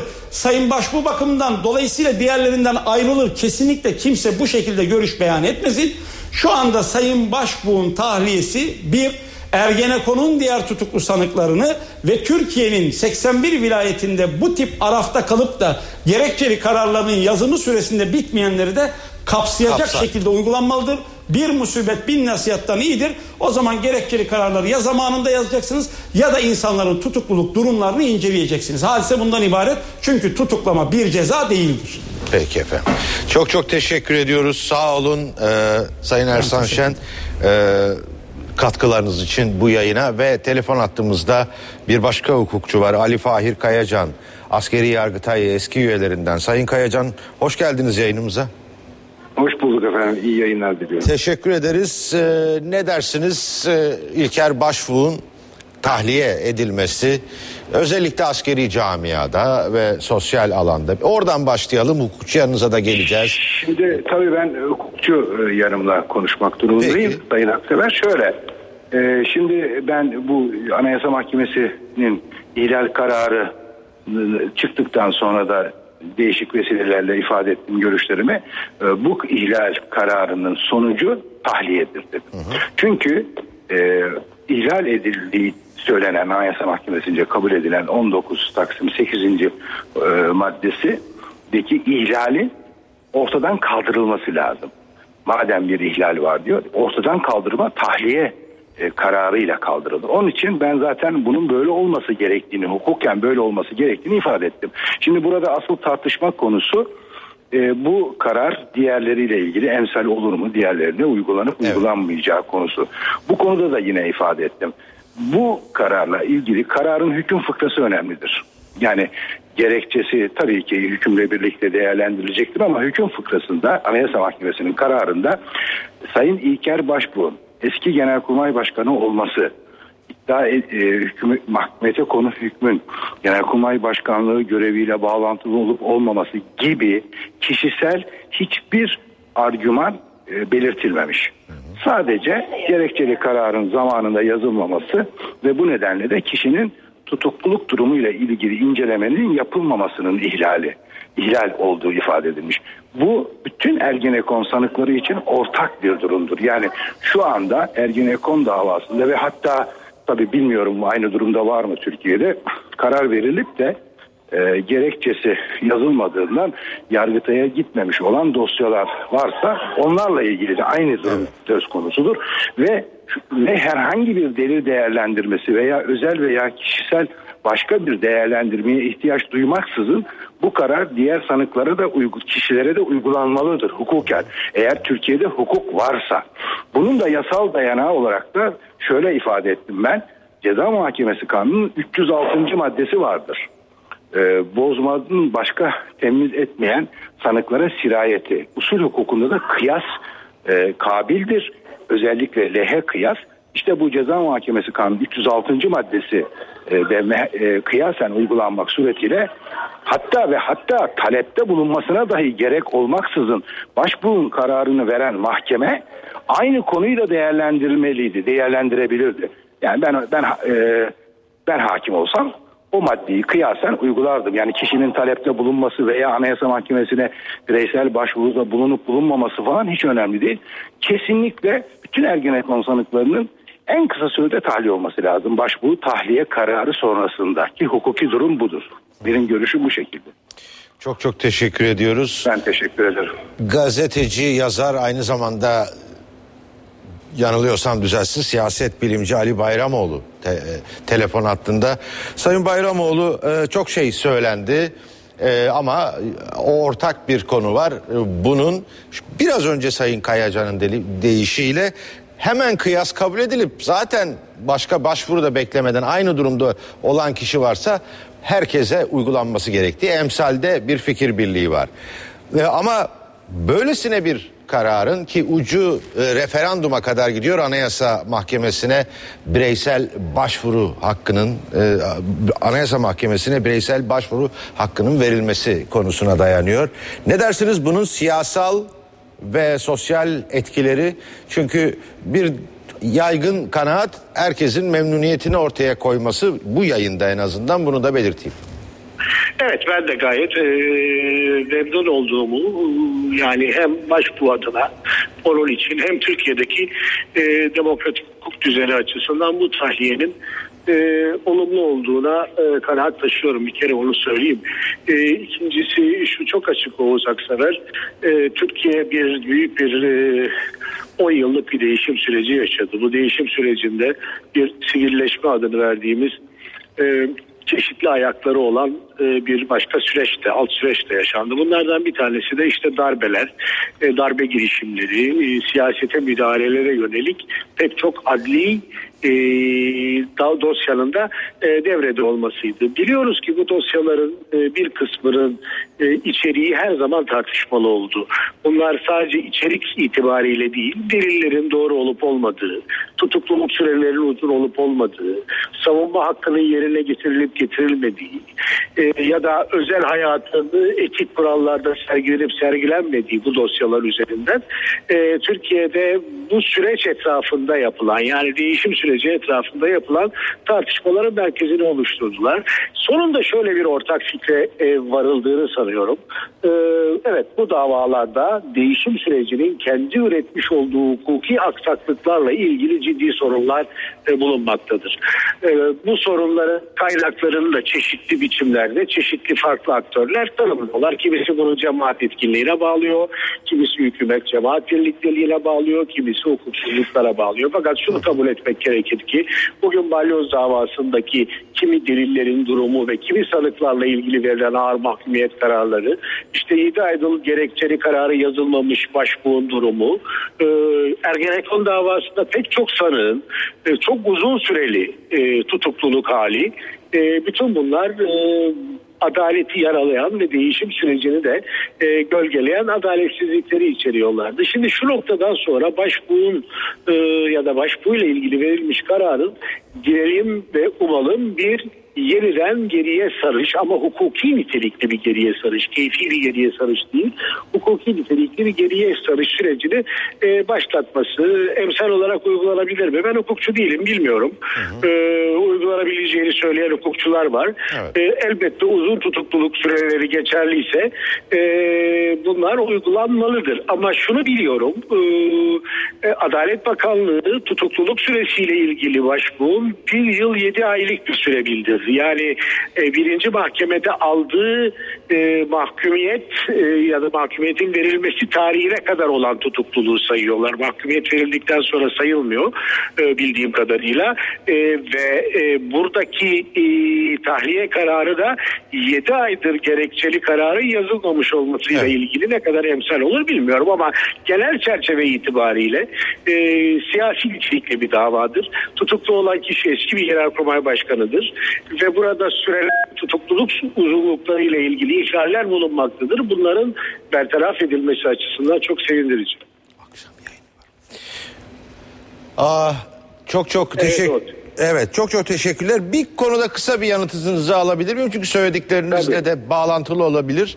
Ee, kısa bir süre önce Mehmet Barlas'a Sabah gazetesi başyazarı verdiği Silivri cezaevinde verdiği demeçte kendi durumlarının e, vahametinden daha vahim bir durum olduğunu söylüyor paralel devlet tartışmalarının. E, çok iyi anlayamadım bu sorunu. A, paralel devlet konusu kendisine soruluyor e, cezaevindeyken İlker Başbuğ'a. İlker Başbuğ'a. O da kendi durumlarından daha vahim, daha öncelikli bir mesele olduğunu çözülmesi gerektiğini söylüyor. Bu konudaki Kesinlikle, değerlendirme. evet kesinlikle aynı kanaatteyim. Onu en çok yaşayanlar zaten e, e, bu, bu, bu paralel devlet ya da işte bu devlet içerisindeki cemaat dokusunun e, hamlelerine maruz kalan gruplar. Bunu en çok gören kişiler onlar. Bu onların suçlu mu suçsuz mu olduğu e, tartışmasının dışında e, paralel devlet dokusunun o alanda son derece etkili olduğunu e, gösteriyor. Onun da en iyi tanıkları e, onlar. Ben tamamen buna katılıyorum. Çünkü Türkiye'de bakın beşli bir doku var. Bu beşli dokuyu şöyle tarif edelim. Adli kolluk, adli kolluğun üstünde savcılık, savcılığın üstünde hakimlik ve müessesesi ya da mahkeme, onun üstünde HSYK, onun üstünde Yargıtay. Şimdi bu beşli blok e, aynı kişilerden ve aynı niyette olan kişilerden belli bir hedefe kilitlenmiş bir yetki kullanımından hareket ederse e, bütün devleti istediği gibi yapar ve şekillendirir. Paralel yapı denilen şey budur. Elbette bunun çözülmesi her şeyden daha önemlidir diye ben de düşünüyorum. Evet. Çok çok teşekkür ediyoruz. Sağ olun efendim. Ara veriyoruz. Daha sonra özel yayınımız devam edecek.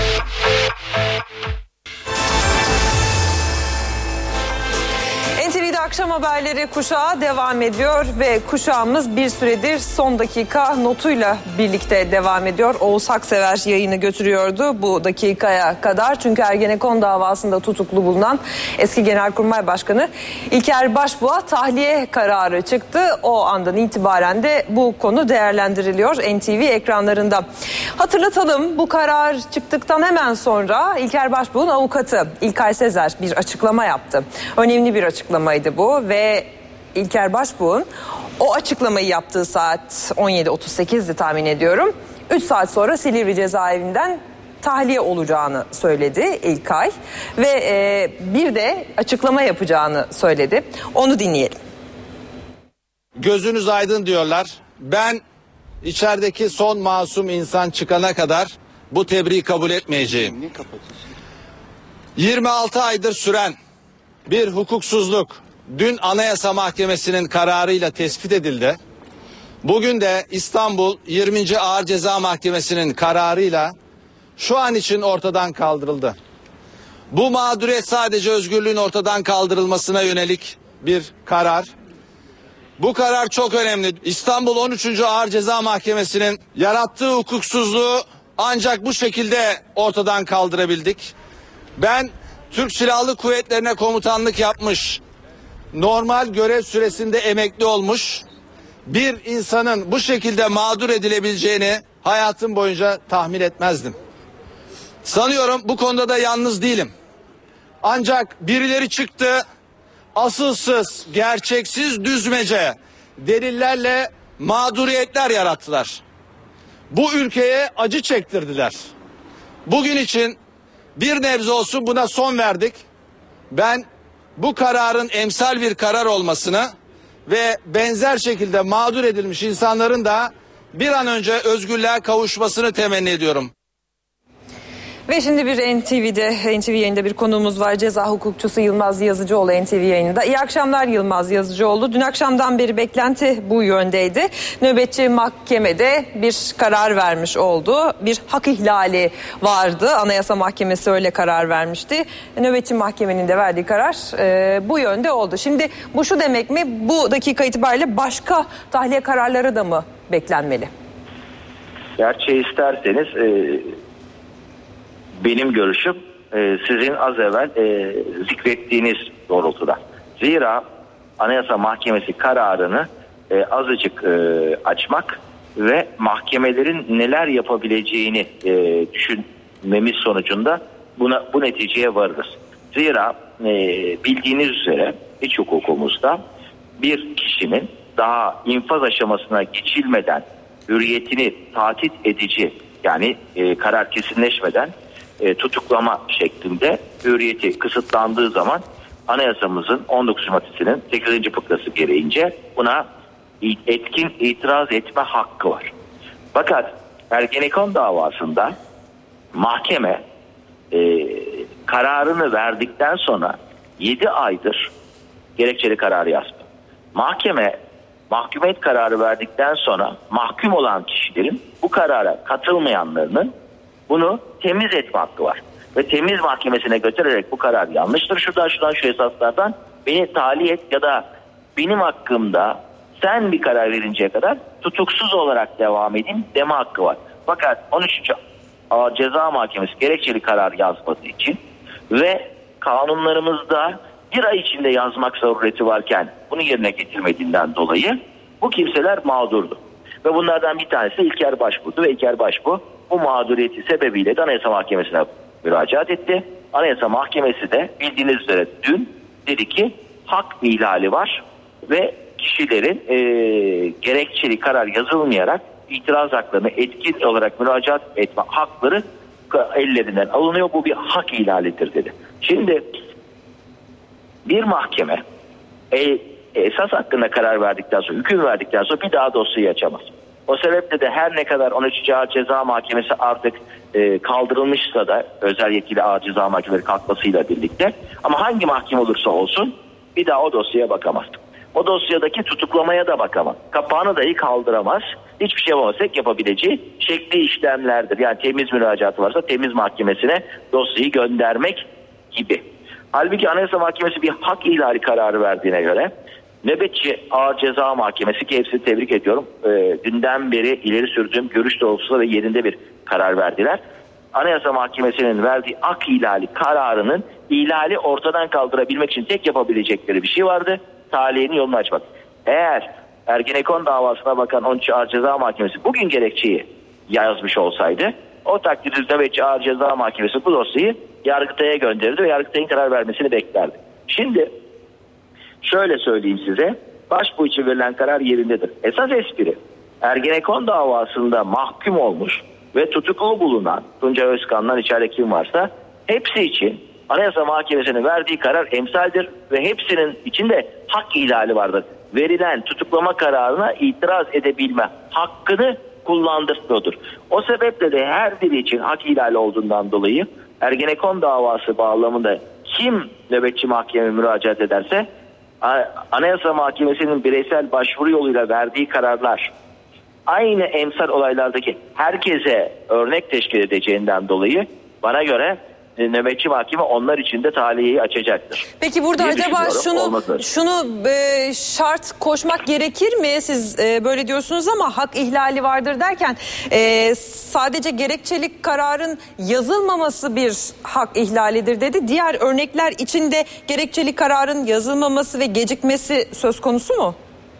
Elbette ki sadece İlker Başbuğ için e, gerekçeli karar yazılmamış değil ki. Ergenekon davasında mahkumiyet kararı verilen herkes için e, gerekçeli karar yazılmamış oldu. Halbuki herkes bir ay içinde mahkeme gerekçeli karar yazacak ve temiz edenler bakımından da dosyayı Yargıtay'a gönderecek. Yargıtay da tutuklu olarak mahkumiyet kararıyla birlikte tutuklu olanlar için bakacak. Diyecek ki hayır tutuksuz yargılansın, ha- hayır tutuklu karar vereceğim. Bildiğiniz üzere şike davası da e, Fenerbahçe Kulübü Başkanı hakkında mahkumiyet kararı vermesine rağmen mahkeme tutuksuz e, onu tahliye etmişti ve Yargıtay mahkumiyetini onadı. Şimdi geri kalan ceza infaz edilecek. Bu sebeple Ergenekon davasındaki mahkumiyet kararı tutukluluğunun devamı yönündeki mahkumiyet kararındaki o tutukluluğun devamına itiraz imkanı kullandırılmaması hak ihlali. Anayasada herkes kendisi hakkındaki özgürlüğü kısıtlayıcı işlem için itiraz hakkı var. Anayasa Mahkemesi'nin bir numaralı yapmış olduğu tespit bu. O sebeple bu örnekle hareket ettiğimizde Ergenekon davasındaki bütün sanıklar bakalım tutuklu mahkum olmuş bütün sanıklar için bu karar emsal. Şimdi bu e, aşamada e, yargılamanın devam ettiğini söyleyebiliriz bu tahliye kararından sonra da. Ama Tabii ki e, Yargıtay karar kesinleşmiyor zaten. Evet, evet. Kesin bir mahkumiyet kararı yok. Bir mahkumiyet kararı var ama kesin değil. Hı hı. Şimdi Anayasa Mahkemesi'nin kararı usulle ilgili bir karardı. İşte bu yüzden de e, gerekçeli karar e, yazıldıktan sonra, gerekçeli karardan sonra yani aslında Yargıtay yine konuyla ilgili son sözü söyleyecek bir görüşe göre. Böyle mi? Tabii ki öyle. E, e, Yargıtay tahliye edebileceğine göre deliller eğer e, somut delillere dayanarak kaçtıklarını ispatlarsa veya somut artık karar verici e, delil karartmış bir söz konusu olamaz. Ancak kaçanlar bakımından olabilir. O zaman tutuklanmasın diyebilir.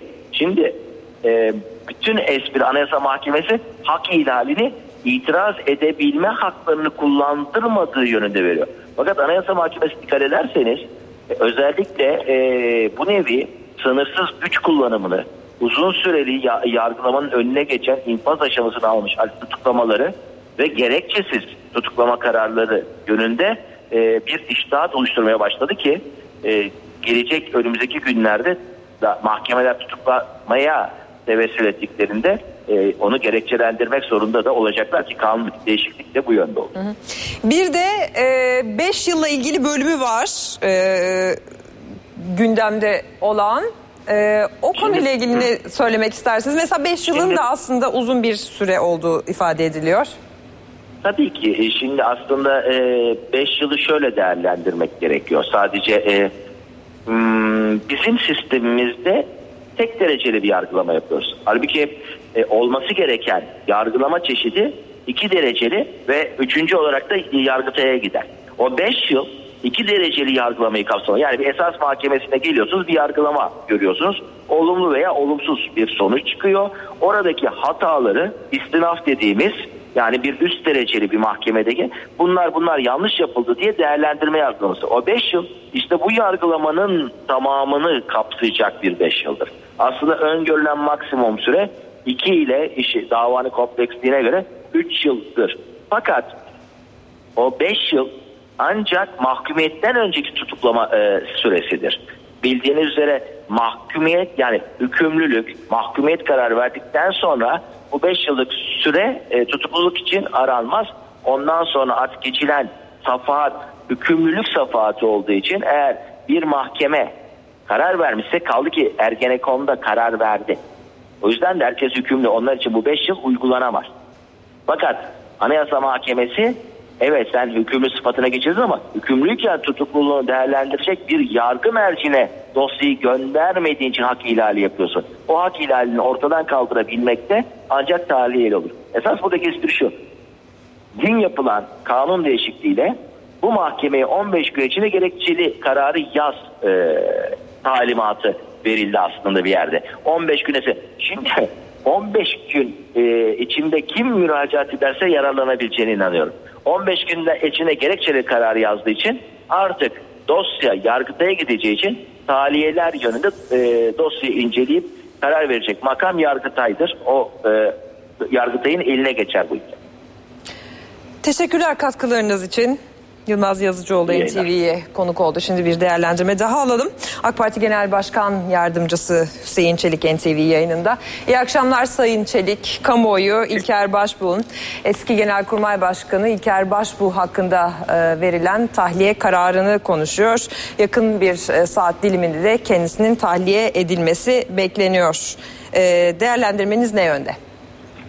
Ee, iyi akşamlar diliyorum Sayın Sayın Öğretir. Ee, ben öncelikle şuna dikkat çekmek istiyorum. Bu Ergenekon davası ile ilgili olarak mahkemenin verdiği, özel yetkili mahkemenin verdiği karar 7 ay oldu maalesef ama bunun gerekçesi yazılmadı. Bu dikkat çekici bir konudur. Ben 2 ay önce yaptığım bir basın toplantısında da bunu teessüfle karşıladığımızı ve hukuk devletinde olmaması gereken bir durum olduğunu söylemiştim. Şimdi 7 ay oldu ve Anayasa Mahkemesi bu durumu e, bir kişisel hakların ihlali olarak değerlendirdi. Ve sonra e, ilgili mahkeme, Ağır Ceza Mahkemesi de Sayın Başbuğ tahliyesine karar verdi. Ben e, Sayın Başbuğ'a geçmiş olsun dileklerimizi ifade bildirmek istiyorum. Geçmiş olsun ama tabii yargılama devam edecek. Nihai olarak e, yüksek yargı özellikle temyiz makamı bu konuda ne söyleyecek? Bunun sonuçlarını hep birlikte göreceğiz. Ee, yargılama hangi konuda olursa olsun insanlara peşinen suçlu muamelesi yapılmaması gerekiyor. Ee, ve e, masumiyet karinesinin çiğnenmemesi gerekiyor. Ee, mahkeme nihai son sözü söyledikten sonra biz insanlara suçlu veya suçsuz muamelesi yapabiliriz. Onları böyle isimlendirebiliriz. Ee, ama e, daha önemlisi e, son çıkarılan yasayla birlikte bundan sonra işte bu e, e, durum ortada olmayacak, ortaya çıkmayacak. Yani 7 ay gerekçeli kararı yazmamak e, e, gibi bir durum söz konusu olmayacak. Bu 7 ayın 8 ay, 10 ay, 12 ay, 15 ay olması halinde de maalesef yapılacak bir şey yoktu. Ama son yasayla birlikte 15 gün içinde bunun mutlaka yazılması gerekiyor. Bu e, çarpıklığın, bu e, maalesef haksızlığın ortadan kaldırılması böylelikle temin edilecek. En azından bundan sonra böyle bir şey olmayacak. Bu da e, Türk hukuku açısından, adaletin tecellisi açısından bence sevindirici bir durumdur. Sayın Çelik bir de şunu sormak isterim. Ee, İlker Başbuğ'un tahliye hak e, kararı beklenirken bir başka sürpriz isim de Hrant Dink suikast sanıklarından Erhan Tuncel de e, tahliye oldu. E, bu konuda ne dersiniz? Ee, sayın öğretim tabii dediğim gibi biz kendimizi mahkemenin yerine koyamayız. Ee, Erhan Tuncel veya bir başkaları. Şimdi bunlar içeri girerken bunları siyasi irade içeri atmıyor. Bunlar tahliye olurken de siyasi irade bunları tahliye etmiyor. Bakın son olarak bu 17 e, Aralık e, operasyonu ile ilgili olarak içeri alınanlar serbest bırakıldığı zaman birileri e, hükümete e, öfkeyi yönlendirmek istemişti. Hükümeti suçlamıştı. O zaman da söyledim. 28 Şubat tutukları da 28 Şubat davasının tutuklarının hepsi serbest bırakıldı. E, onları tutuklayan da biz değildik, tahliye eden de biz değildik. E, mahkemelerin işleyişine yönelik bizim itirazlarımız olabilir. Mahkemeden çıkan karar bizi hoşnut edebilir, üzebilir. Doğru bulabiliriz ve yanlış bulabiliriz. Ama hiçbirimiz kendimizi mahkemenin yerine koyamayız. Yani başbu, Sayın Başbuğ'un tahliye olması iyi oldu. Ama e, A, B, C, D şahsının tahliye olması iyi olmadı diyebilir insanlar. E, sempatisine göre, tercihine göre, ideolojisine göre, duruşuna göre bu tür şeyler söyleyebilir. Ama dediğim gibi bu söyle, söylenen şeyler e, sadece bir demokrasideki çok seslilik, e, sesliğin gereğidir. Fakat nihai hükmü mahkemeler verecek. Bu konuda e, bir yorum yapamam. Çünkü ben Erhan Tuncel'in dosyasına yüzde yüz vakıf olan, buna hakim olan birisi değilim. Yapacağım yorum yanlış bir yorum olabilir. Biz prensiplerden söz etmeliyiz Sayın Öğretmen. Teşekkürler Sayın Çelik katkılarınız için. Bir başka konuğumuz daha var. Erdoğan Toprak CHP Genel Başkan Yardımcısı. Sayın Toprak iyi akşamlar. NTV yayınında İlker Başbuğ'a Ergenekon e, davasında müebbet hapis cezasına çarptırılan eski Genelkurmay Başbuğ'una Başbu, e, Başbuğ'a 26 ay sonra verilen tahliye kararını konuşuyoruz. Sizin görüşünüz ne yönde? Ee, öncelikle tarihesinden mutlu olduğumu belirtmek istiyorum. Ama unutulmaması lazım ki 26 aydır onu orada tutan, içeride tutan zihniyeti de e, sorgulamak lazım. Yani umut ediyorum bundan sonra özel yetkilerle donatılmış belli bir zihniyete hizmet eden mahkeme yapıları olmaz. İktidara sormak lazım. Yani koskoca genelkurmay başkanlığı yapmış bir kişi neden bu kadar ay içeride tuttunuz? Neden bu içeride tutulmasına göz yumdunuz? Sayın Çelik diyor ki işte mahkemeler e, bağımsızdır. Evet bağımsız olmasını ümit ediyorum. Bağımsız olmasını da isteriz. Ama bugün e, istenildiği zaman bir günde istediği kanunu çıkartan hükümetin neden bu konuda bu kadar geç kaldığını, niye bu konuda adım atmadığını da e, sormak lazım. Ve Sayın Başbuğ'a e, geçmiş olsun diyorum. Kendisini ziyaret etmiştim. E, ama bu konudaki haksızlıkların telafisi nedir artık onu ileriki günlerde göreceğiz. Teşekkürler katkılarınız için Erdoğan Toprak CHP Genel Başkan Yardımcısı konuğumuz oldu. Ve İlker Başbuğ'a verilen tahliye kararını bizim için yorumladı. Şimdi biraz eskiye gidelim ve e, Başbuğ'un ta şüpheli sıfatıyla adliyeye çağrılmasından sonra yaşanan sürece biraz yakından bakalım. Türkiye Cumhuriyeti'nin 26. Genelkurmay Başkanı terör örgütü kurmak ve yönetmekle suçlandı. Takdir yüce Türk milletinindir. Cezaevine girmeden söylediği son sözlerdi bunlar. Eski Genelkurmay Başkanı İlker Başbuğ, darbeye teşebbüs ve terör örgütü yöneticiliği suçlamasıyla 6 Ocak 2012'de tutuklandı. İlker Başbuğ, Genelkurmay Başkanlığı döneminde bir süre sonra kendisinin de dahil olacağı davalara ilişkin gündem yaratan açıklamalar yaptı. Islak imza olarak tanınan İrtica ile Mücadele Eylem Planı davasının temelini oluşturan belgenin fotokopisine sert tepki gösterdi. Kağıt parçası dedi. Türkiye iki haftadır bir kağıt parçası etrafında gereğinden fazla enerjisini tüketmiştir, harcamıştır. Bir başka davaya adını veren Poyrazköy'de bulunan silahlar ve mühimmatla ilgili basın toplantısı da tartışma yarattı. Kameraların karşısına lav silahıyla çıktı. Beykoz Poyrazköy'de kazılar yapıldı. Beş tane boş laf paketlenmiş olarak kazıda bulundu. Korkmayın bu boş laf. yani kullanılmış laf. Eğitimde birliklerde kullanırsınız. Onun dışında başka hiçbir şeye yaramaz çöpe atılır. İlker Başbuğ emekli olduktan sonra hakkında hazırlanan ek iddianameyle Ergenekon davasının sanığı oldu. Şüpheli sıfatıyla çağrıldığı adliyede terör örgütü yöneticisi olmakla suçlandı. İstanbul 12. Ağır Ceza Mahkemesi tarafından tutuklandı. İki yıl tabii Genelkurmay Başkanı olarak, Başbakan olarak beraber çalıştığımız bir mesai arkadaşımdır. Burada tutuklama yoluyla değil de tutuksuz yargılanma yolu ki her zaman söylediğim tezimdir. Olması bizim her zamanki arzumuzdur. Başbakan Recep Tayyip Erdoğan sık sık başbuğun tutuksuz yargılanması gerektiğini dile getirdi. Ancak itirazlar sonuç vermedi. Emekli Orgeneral İlker Başbuğ 5 Ağustos 2013'te Ergenekon davasından hüküm giydi, müebbet hapis cezasına çarptırıldı. NTV'de şimdi bir ara vereceğiz. Saat başında daha yakından bakmayı sürdüreceğiz sürece.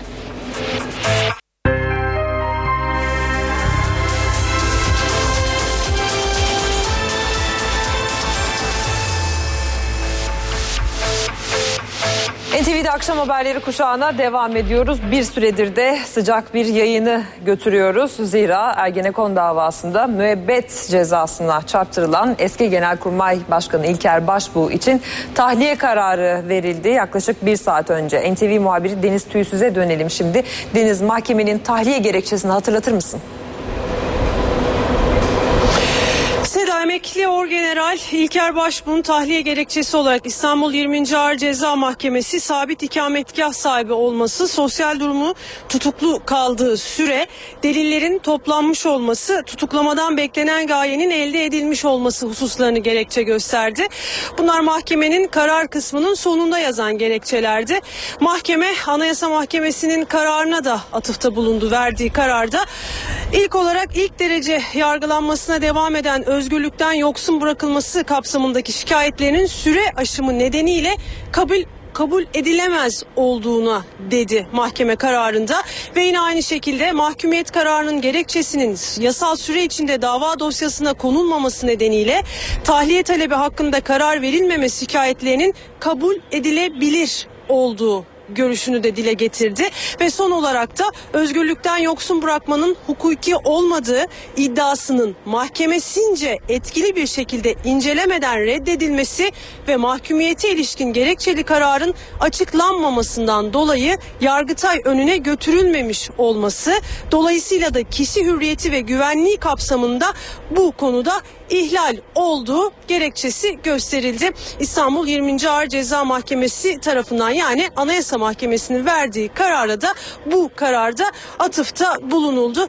Ee, eski Genelkurmay Başkanı İlker Ba- Başbuğ'a yurt dışı çıkış yasağı da getirildi. Yine aynı şekilde adli kontrol tedbiri gerekçesiyle bu adli kontrol tedbiri kapsamında İlker Başbuğ her hafta evinin bağlı evinin yakınlarında bulunan bir karakola giderek imza atacak Seda.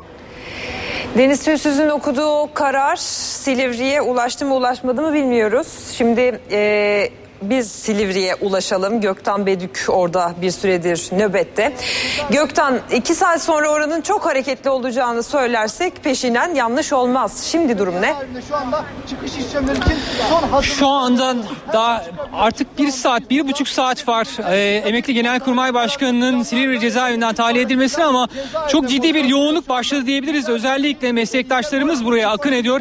Yakınlarının buraya geldiğini öğrendik. Bununla birlikte çok sayıda vatandaş da elinde Türk bayrak, bayraklarıyla Silivri cezaevine gelmeye başladılar. Mahkeme kararının da cezaevine ulaştığı yönünde bilgiler geliyor. Faksa mahkeme mahkemenin kararı cezaevine ulaştı ve tahliye işlemlerinde başladı. Tahliye işlemleri gerçekleştikten sonra İlker Başbuğ artık eşyalarını toplayacak ve şu an bulunduğumuz yerden Silivri cezaevinin kapısından çıkış yapacak. Evet 26 ay önce Silivri cezaevine girmişti İlker Başbuğ artık özgürlüğüne kavuşmak için seneleri değil saatleri sayıyor diyebiliriz. Yaklaşık bir buçuk iki saat içerisinde İlker Başbuğ Silivri cezaevinden çıkacak. Avukatı İlkay Sezer Çağlayan adliyesinden çıktıktan sonra tahliye kararı verildikten sonra İlker, İlker Başbuğ'un burada Silivri cezaevinde kısa bir kısa da olsa bir açıklama yapacağını söylemişti. Canlı yayında bu açıklamayı ekrana getirmeyi planlıyoruz. Önümüzde bir buçuk iki saat var. Burada İlker Başbuğ bekliyoruz. Seda? Gökten Bedük de altını çizdi. Genelkurmay Başkanı'nın eski Genelkurmay Başkanı'nın avukatı İlkay Sezer söyledi bir açıklama yapacağını. İlkay Sezer'in bugün başka açıklamaları da oldu. İzleyelim. Gözünüz aydın diyorlar. Ben içerideki son masum insan çıkana kadar bu tebriği kabul etmeyeceğim. 26 aydır süren bir hukuksuzluk dün Anayasa Mahkemesi'nin kararıyla tespit edildi. Bugün de İstanbul 20. Ağır Ceza Mahkemesi'nin kararıyla şu an için ortadan kaldırıldı. Bu mağduriyet sadece özgürlüğün ortadan kaldırılmasına yönelik bir karar. Bu karar çok önemli. İstanbul 13. Ağır Ceza Mahkemesi'nin yarattığı hukuksuzluğu ancak bu şekilde ortadan kaldırabildik. Ben Türk Silahlı Kuvvetleri'ne komutanlık yapmış, normal görev süresinde emekli olmuş bir insanın bu şekilde mağdur edilebileceğini hayatım boyunca tahmin etmezdim. Sanıyorum bu konuda da yalnız değilim. Ancak birileri çıktı asılsız, gerçeksiz düzmece delillerle mağduriyetler yarattılar. Bu ülkeye acı çektirdiler. Bugün için bir nebze olsun buna son verdik. Ben bu kararın emsal bir karar olmasını ve benzer şekilde mağdur edilmiş insanların da bir an önce özgürlüğe kavuşmasını temenni ediyorum. Eski Genelkurmay Başkanı İlker Başbuğ 26 ay sonra tahliye kararı aldı hakkında. 6 Ocak 2012 tarihinde tutuklanmıştı. Şimdi şüpheli sıfatıyla adliyeye çağrılmasından sonra yaşananlara bakalım. Türkiye Cumhuriyeti'nin 26. Genelkurmay Başkanı terör örgütü kurmak ve yönetmekle suçlandı. Takdir yüce Türk milletinindir. Cezaevine girmeden söylediği son sözlerdi bunlar. Eski Genelkurmay Başkanı İlker Başbuğ, darbeye teşebbüs ve terör örgütü yöneticiliği suçlamasıyla 6 Ocak 2012'de tutuklandı. İlker Başbuğ, Genelkurmay Başkanlığı döneminde bir süre sonra kendisinin de dahil olacağı davalara ilişkin gündem yaratan açıklamalar yaptı. Islak imza olarak tanınan İrtica Mücadele Eylem Planı davasının temelini oluşturan belgenin fotokopisine sert tepki gösterdi. Kağıt parçası dedi. Türkiye iki haftadır bir kağıt parçası etrafında gereğinden fazla enerjisini tüketmiştir, harcamıştır. Bir başka davaya adını veren Poyrazköy'de bulunan silahlar ve mühimmatla ilgili basın toplantısı da tartışma yarattı. Kameraların karşısına lav silahıyla çıktı. Beykoz Poyrazköy'de kazılar yapıldı. Beş tane boş laf paketlenmiş olarak kazıda bulundu. Korkmayın bu boş laf. yani kullanılmış laf. Eğitimde birliklerde kullanırsınız. Onun dışında başka hiçbir şeye yaramaz çöpe atılır. İlker Başbuğ emekli olduktan sonra hakkında hazırlanan ek iddianameyle Ergenekon davasının sanığı oldu. Şüpheli sıfatıyla çağrıldığı adliyede terör örgütü yöneticisi olmakla suçlandı. İstanbul 12. Ağır Ceza Mahkemesi tarafından tutuklandı. İki yıl tabii Genelkurmay Başkanı olarak, Başbakan olarak beraber çalıştığımız bir mesai arkadaşımdır. Burada tutuklama yoluyla değil de tutuksuz yargılanma yolu ki her zaman söylediğim tezimdir. Olması bizim her zamanki arzumuzdur. Başbakan Recep Tayyip Erdoğan sık sık başbuğun tutuksuz yargılanması gerektiğini dile getirdi. Ancak itirazlar sonuç vermedi. Emekli Orgeneral İlker Başbuğ 5 Ağustos 2013'te Ergenekon davasından hüküm giydi, müebbet hapis cezasına çarptırıldı. Uzun tutukluluk süresini 5 yıla düşüren yasa onaylanıp yürürlüğe girdi. Ergenekon davasında tutuklu bulunan birçok isim için de tahliye yolu açıldı. Peki kimler yasadan faydalanabilecek? İzleyelim.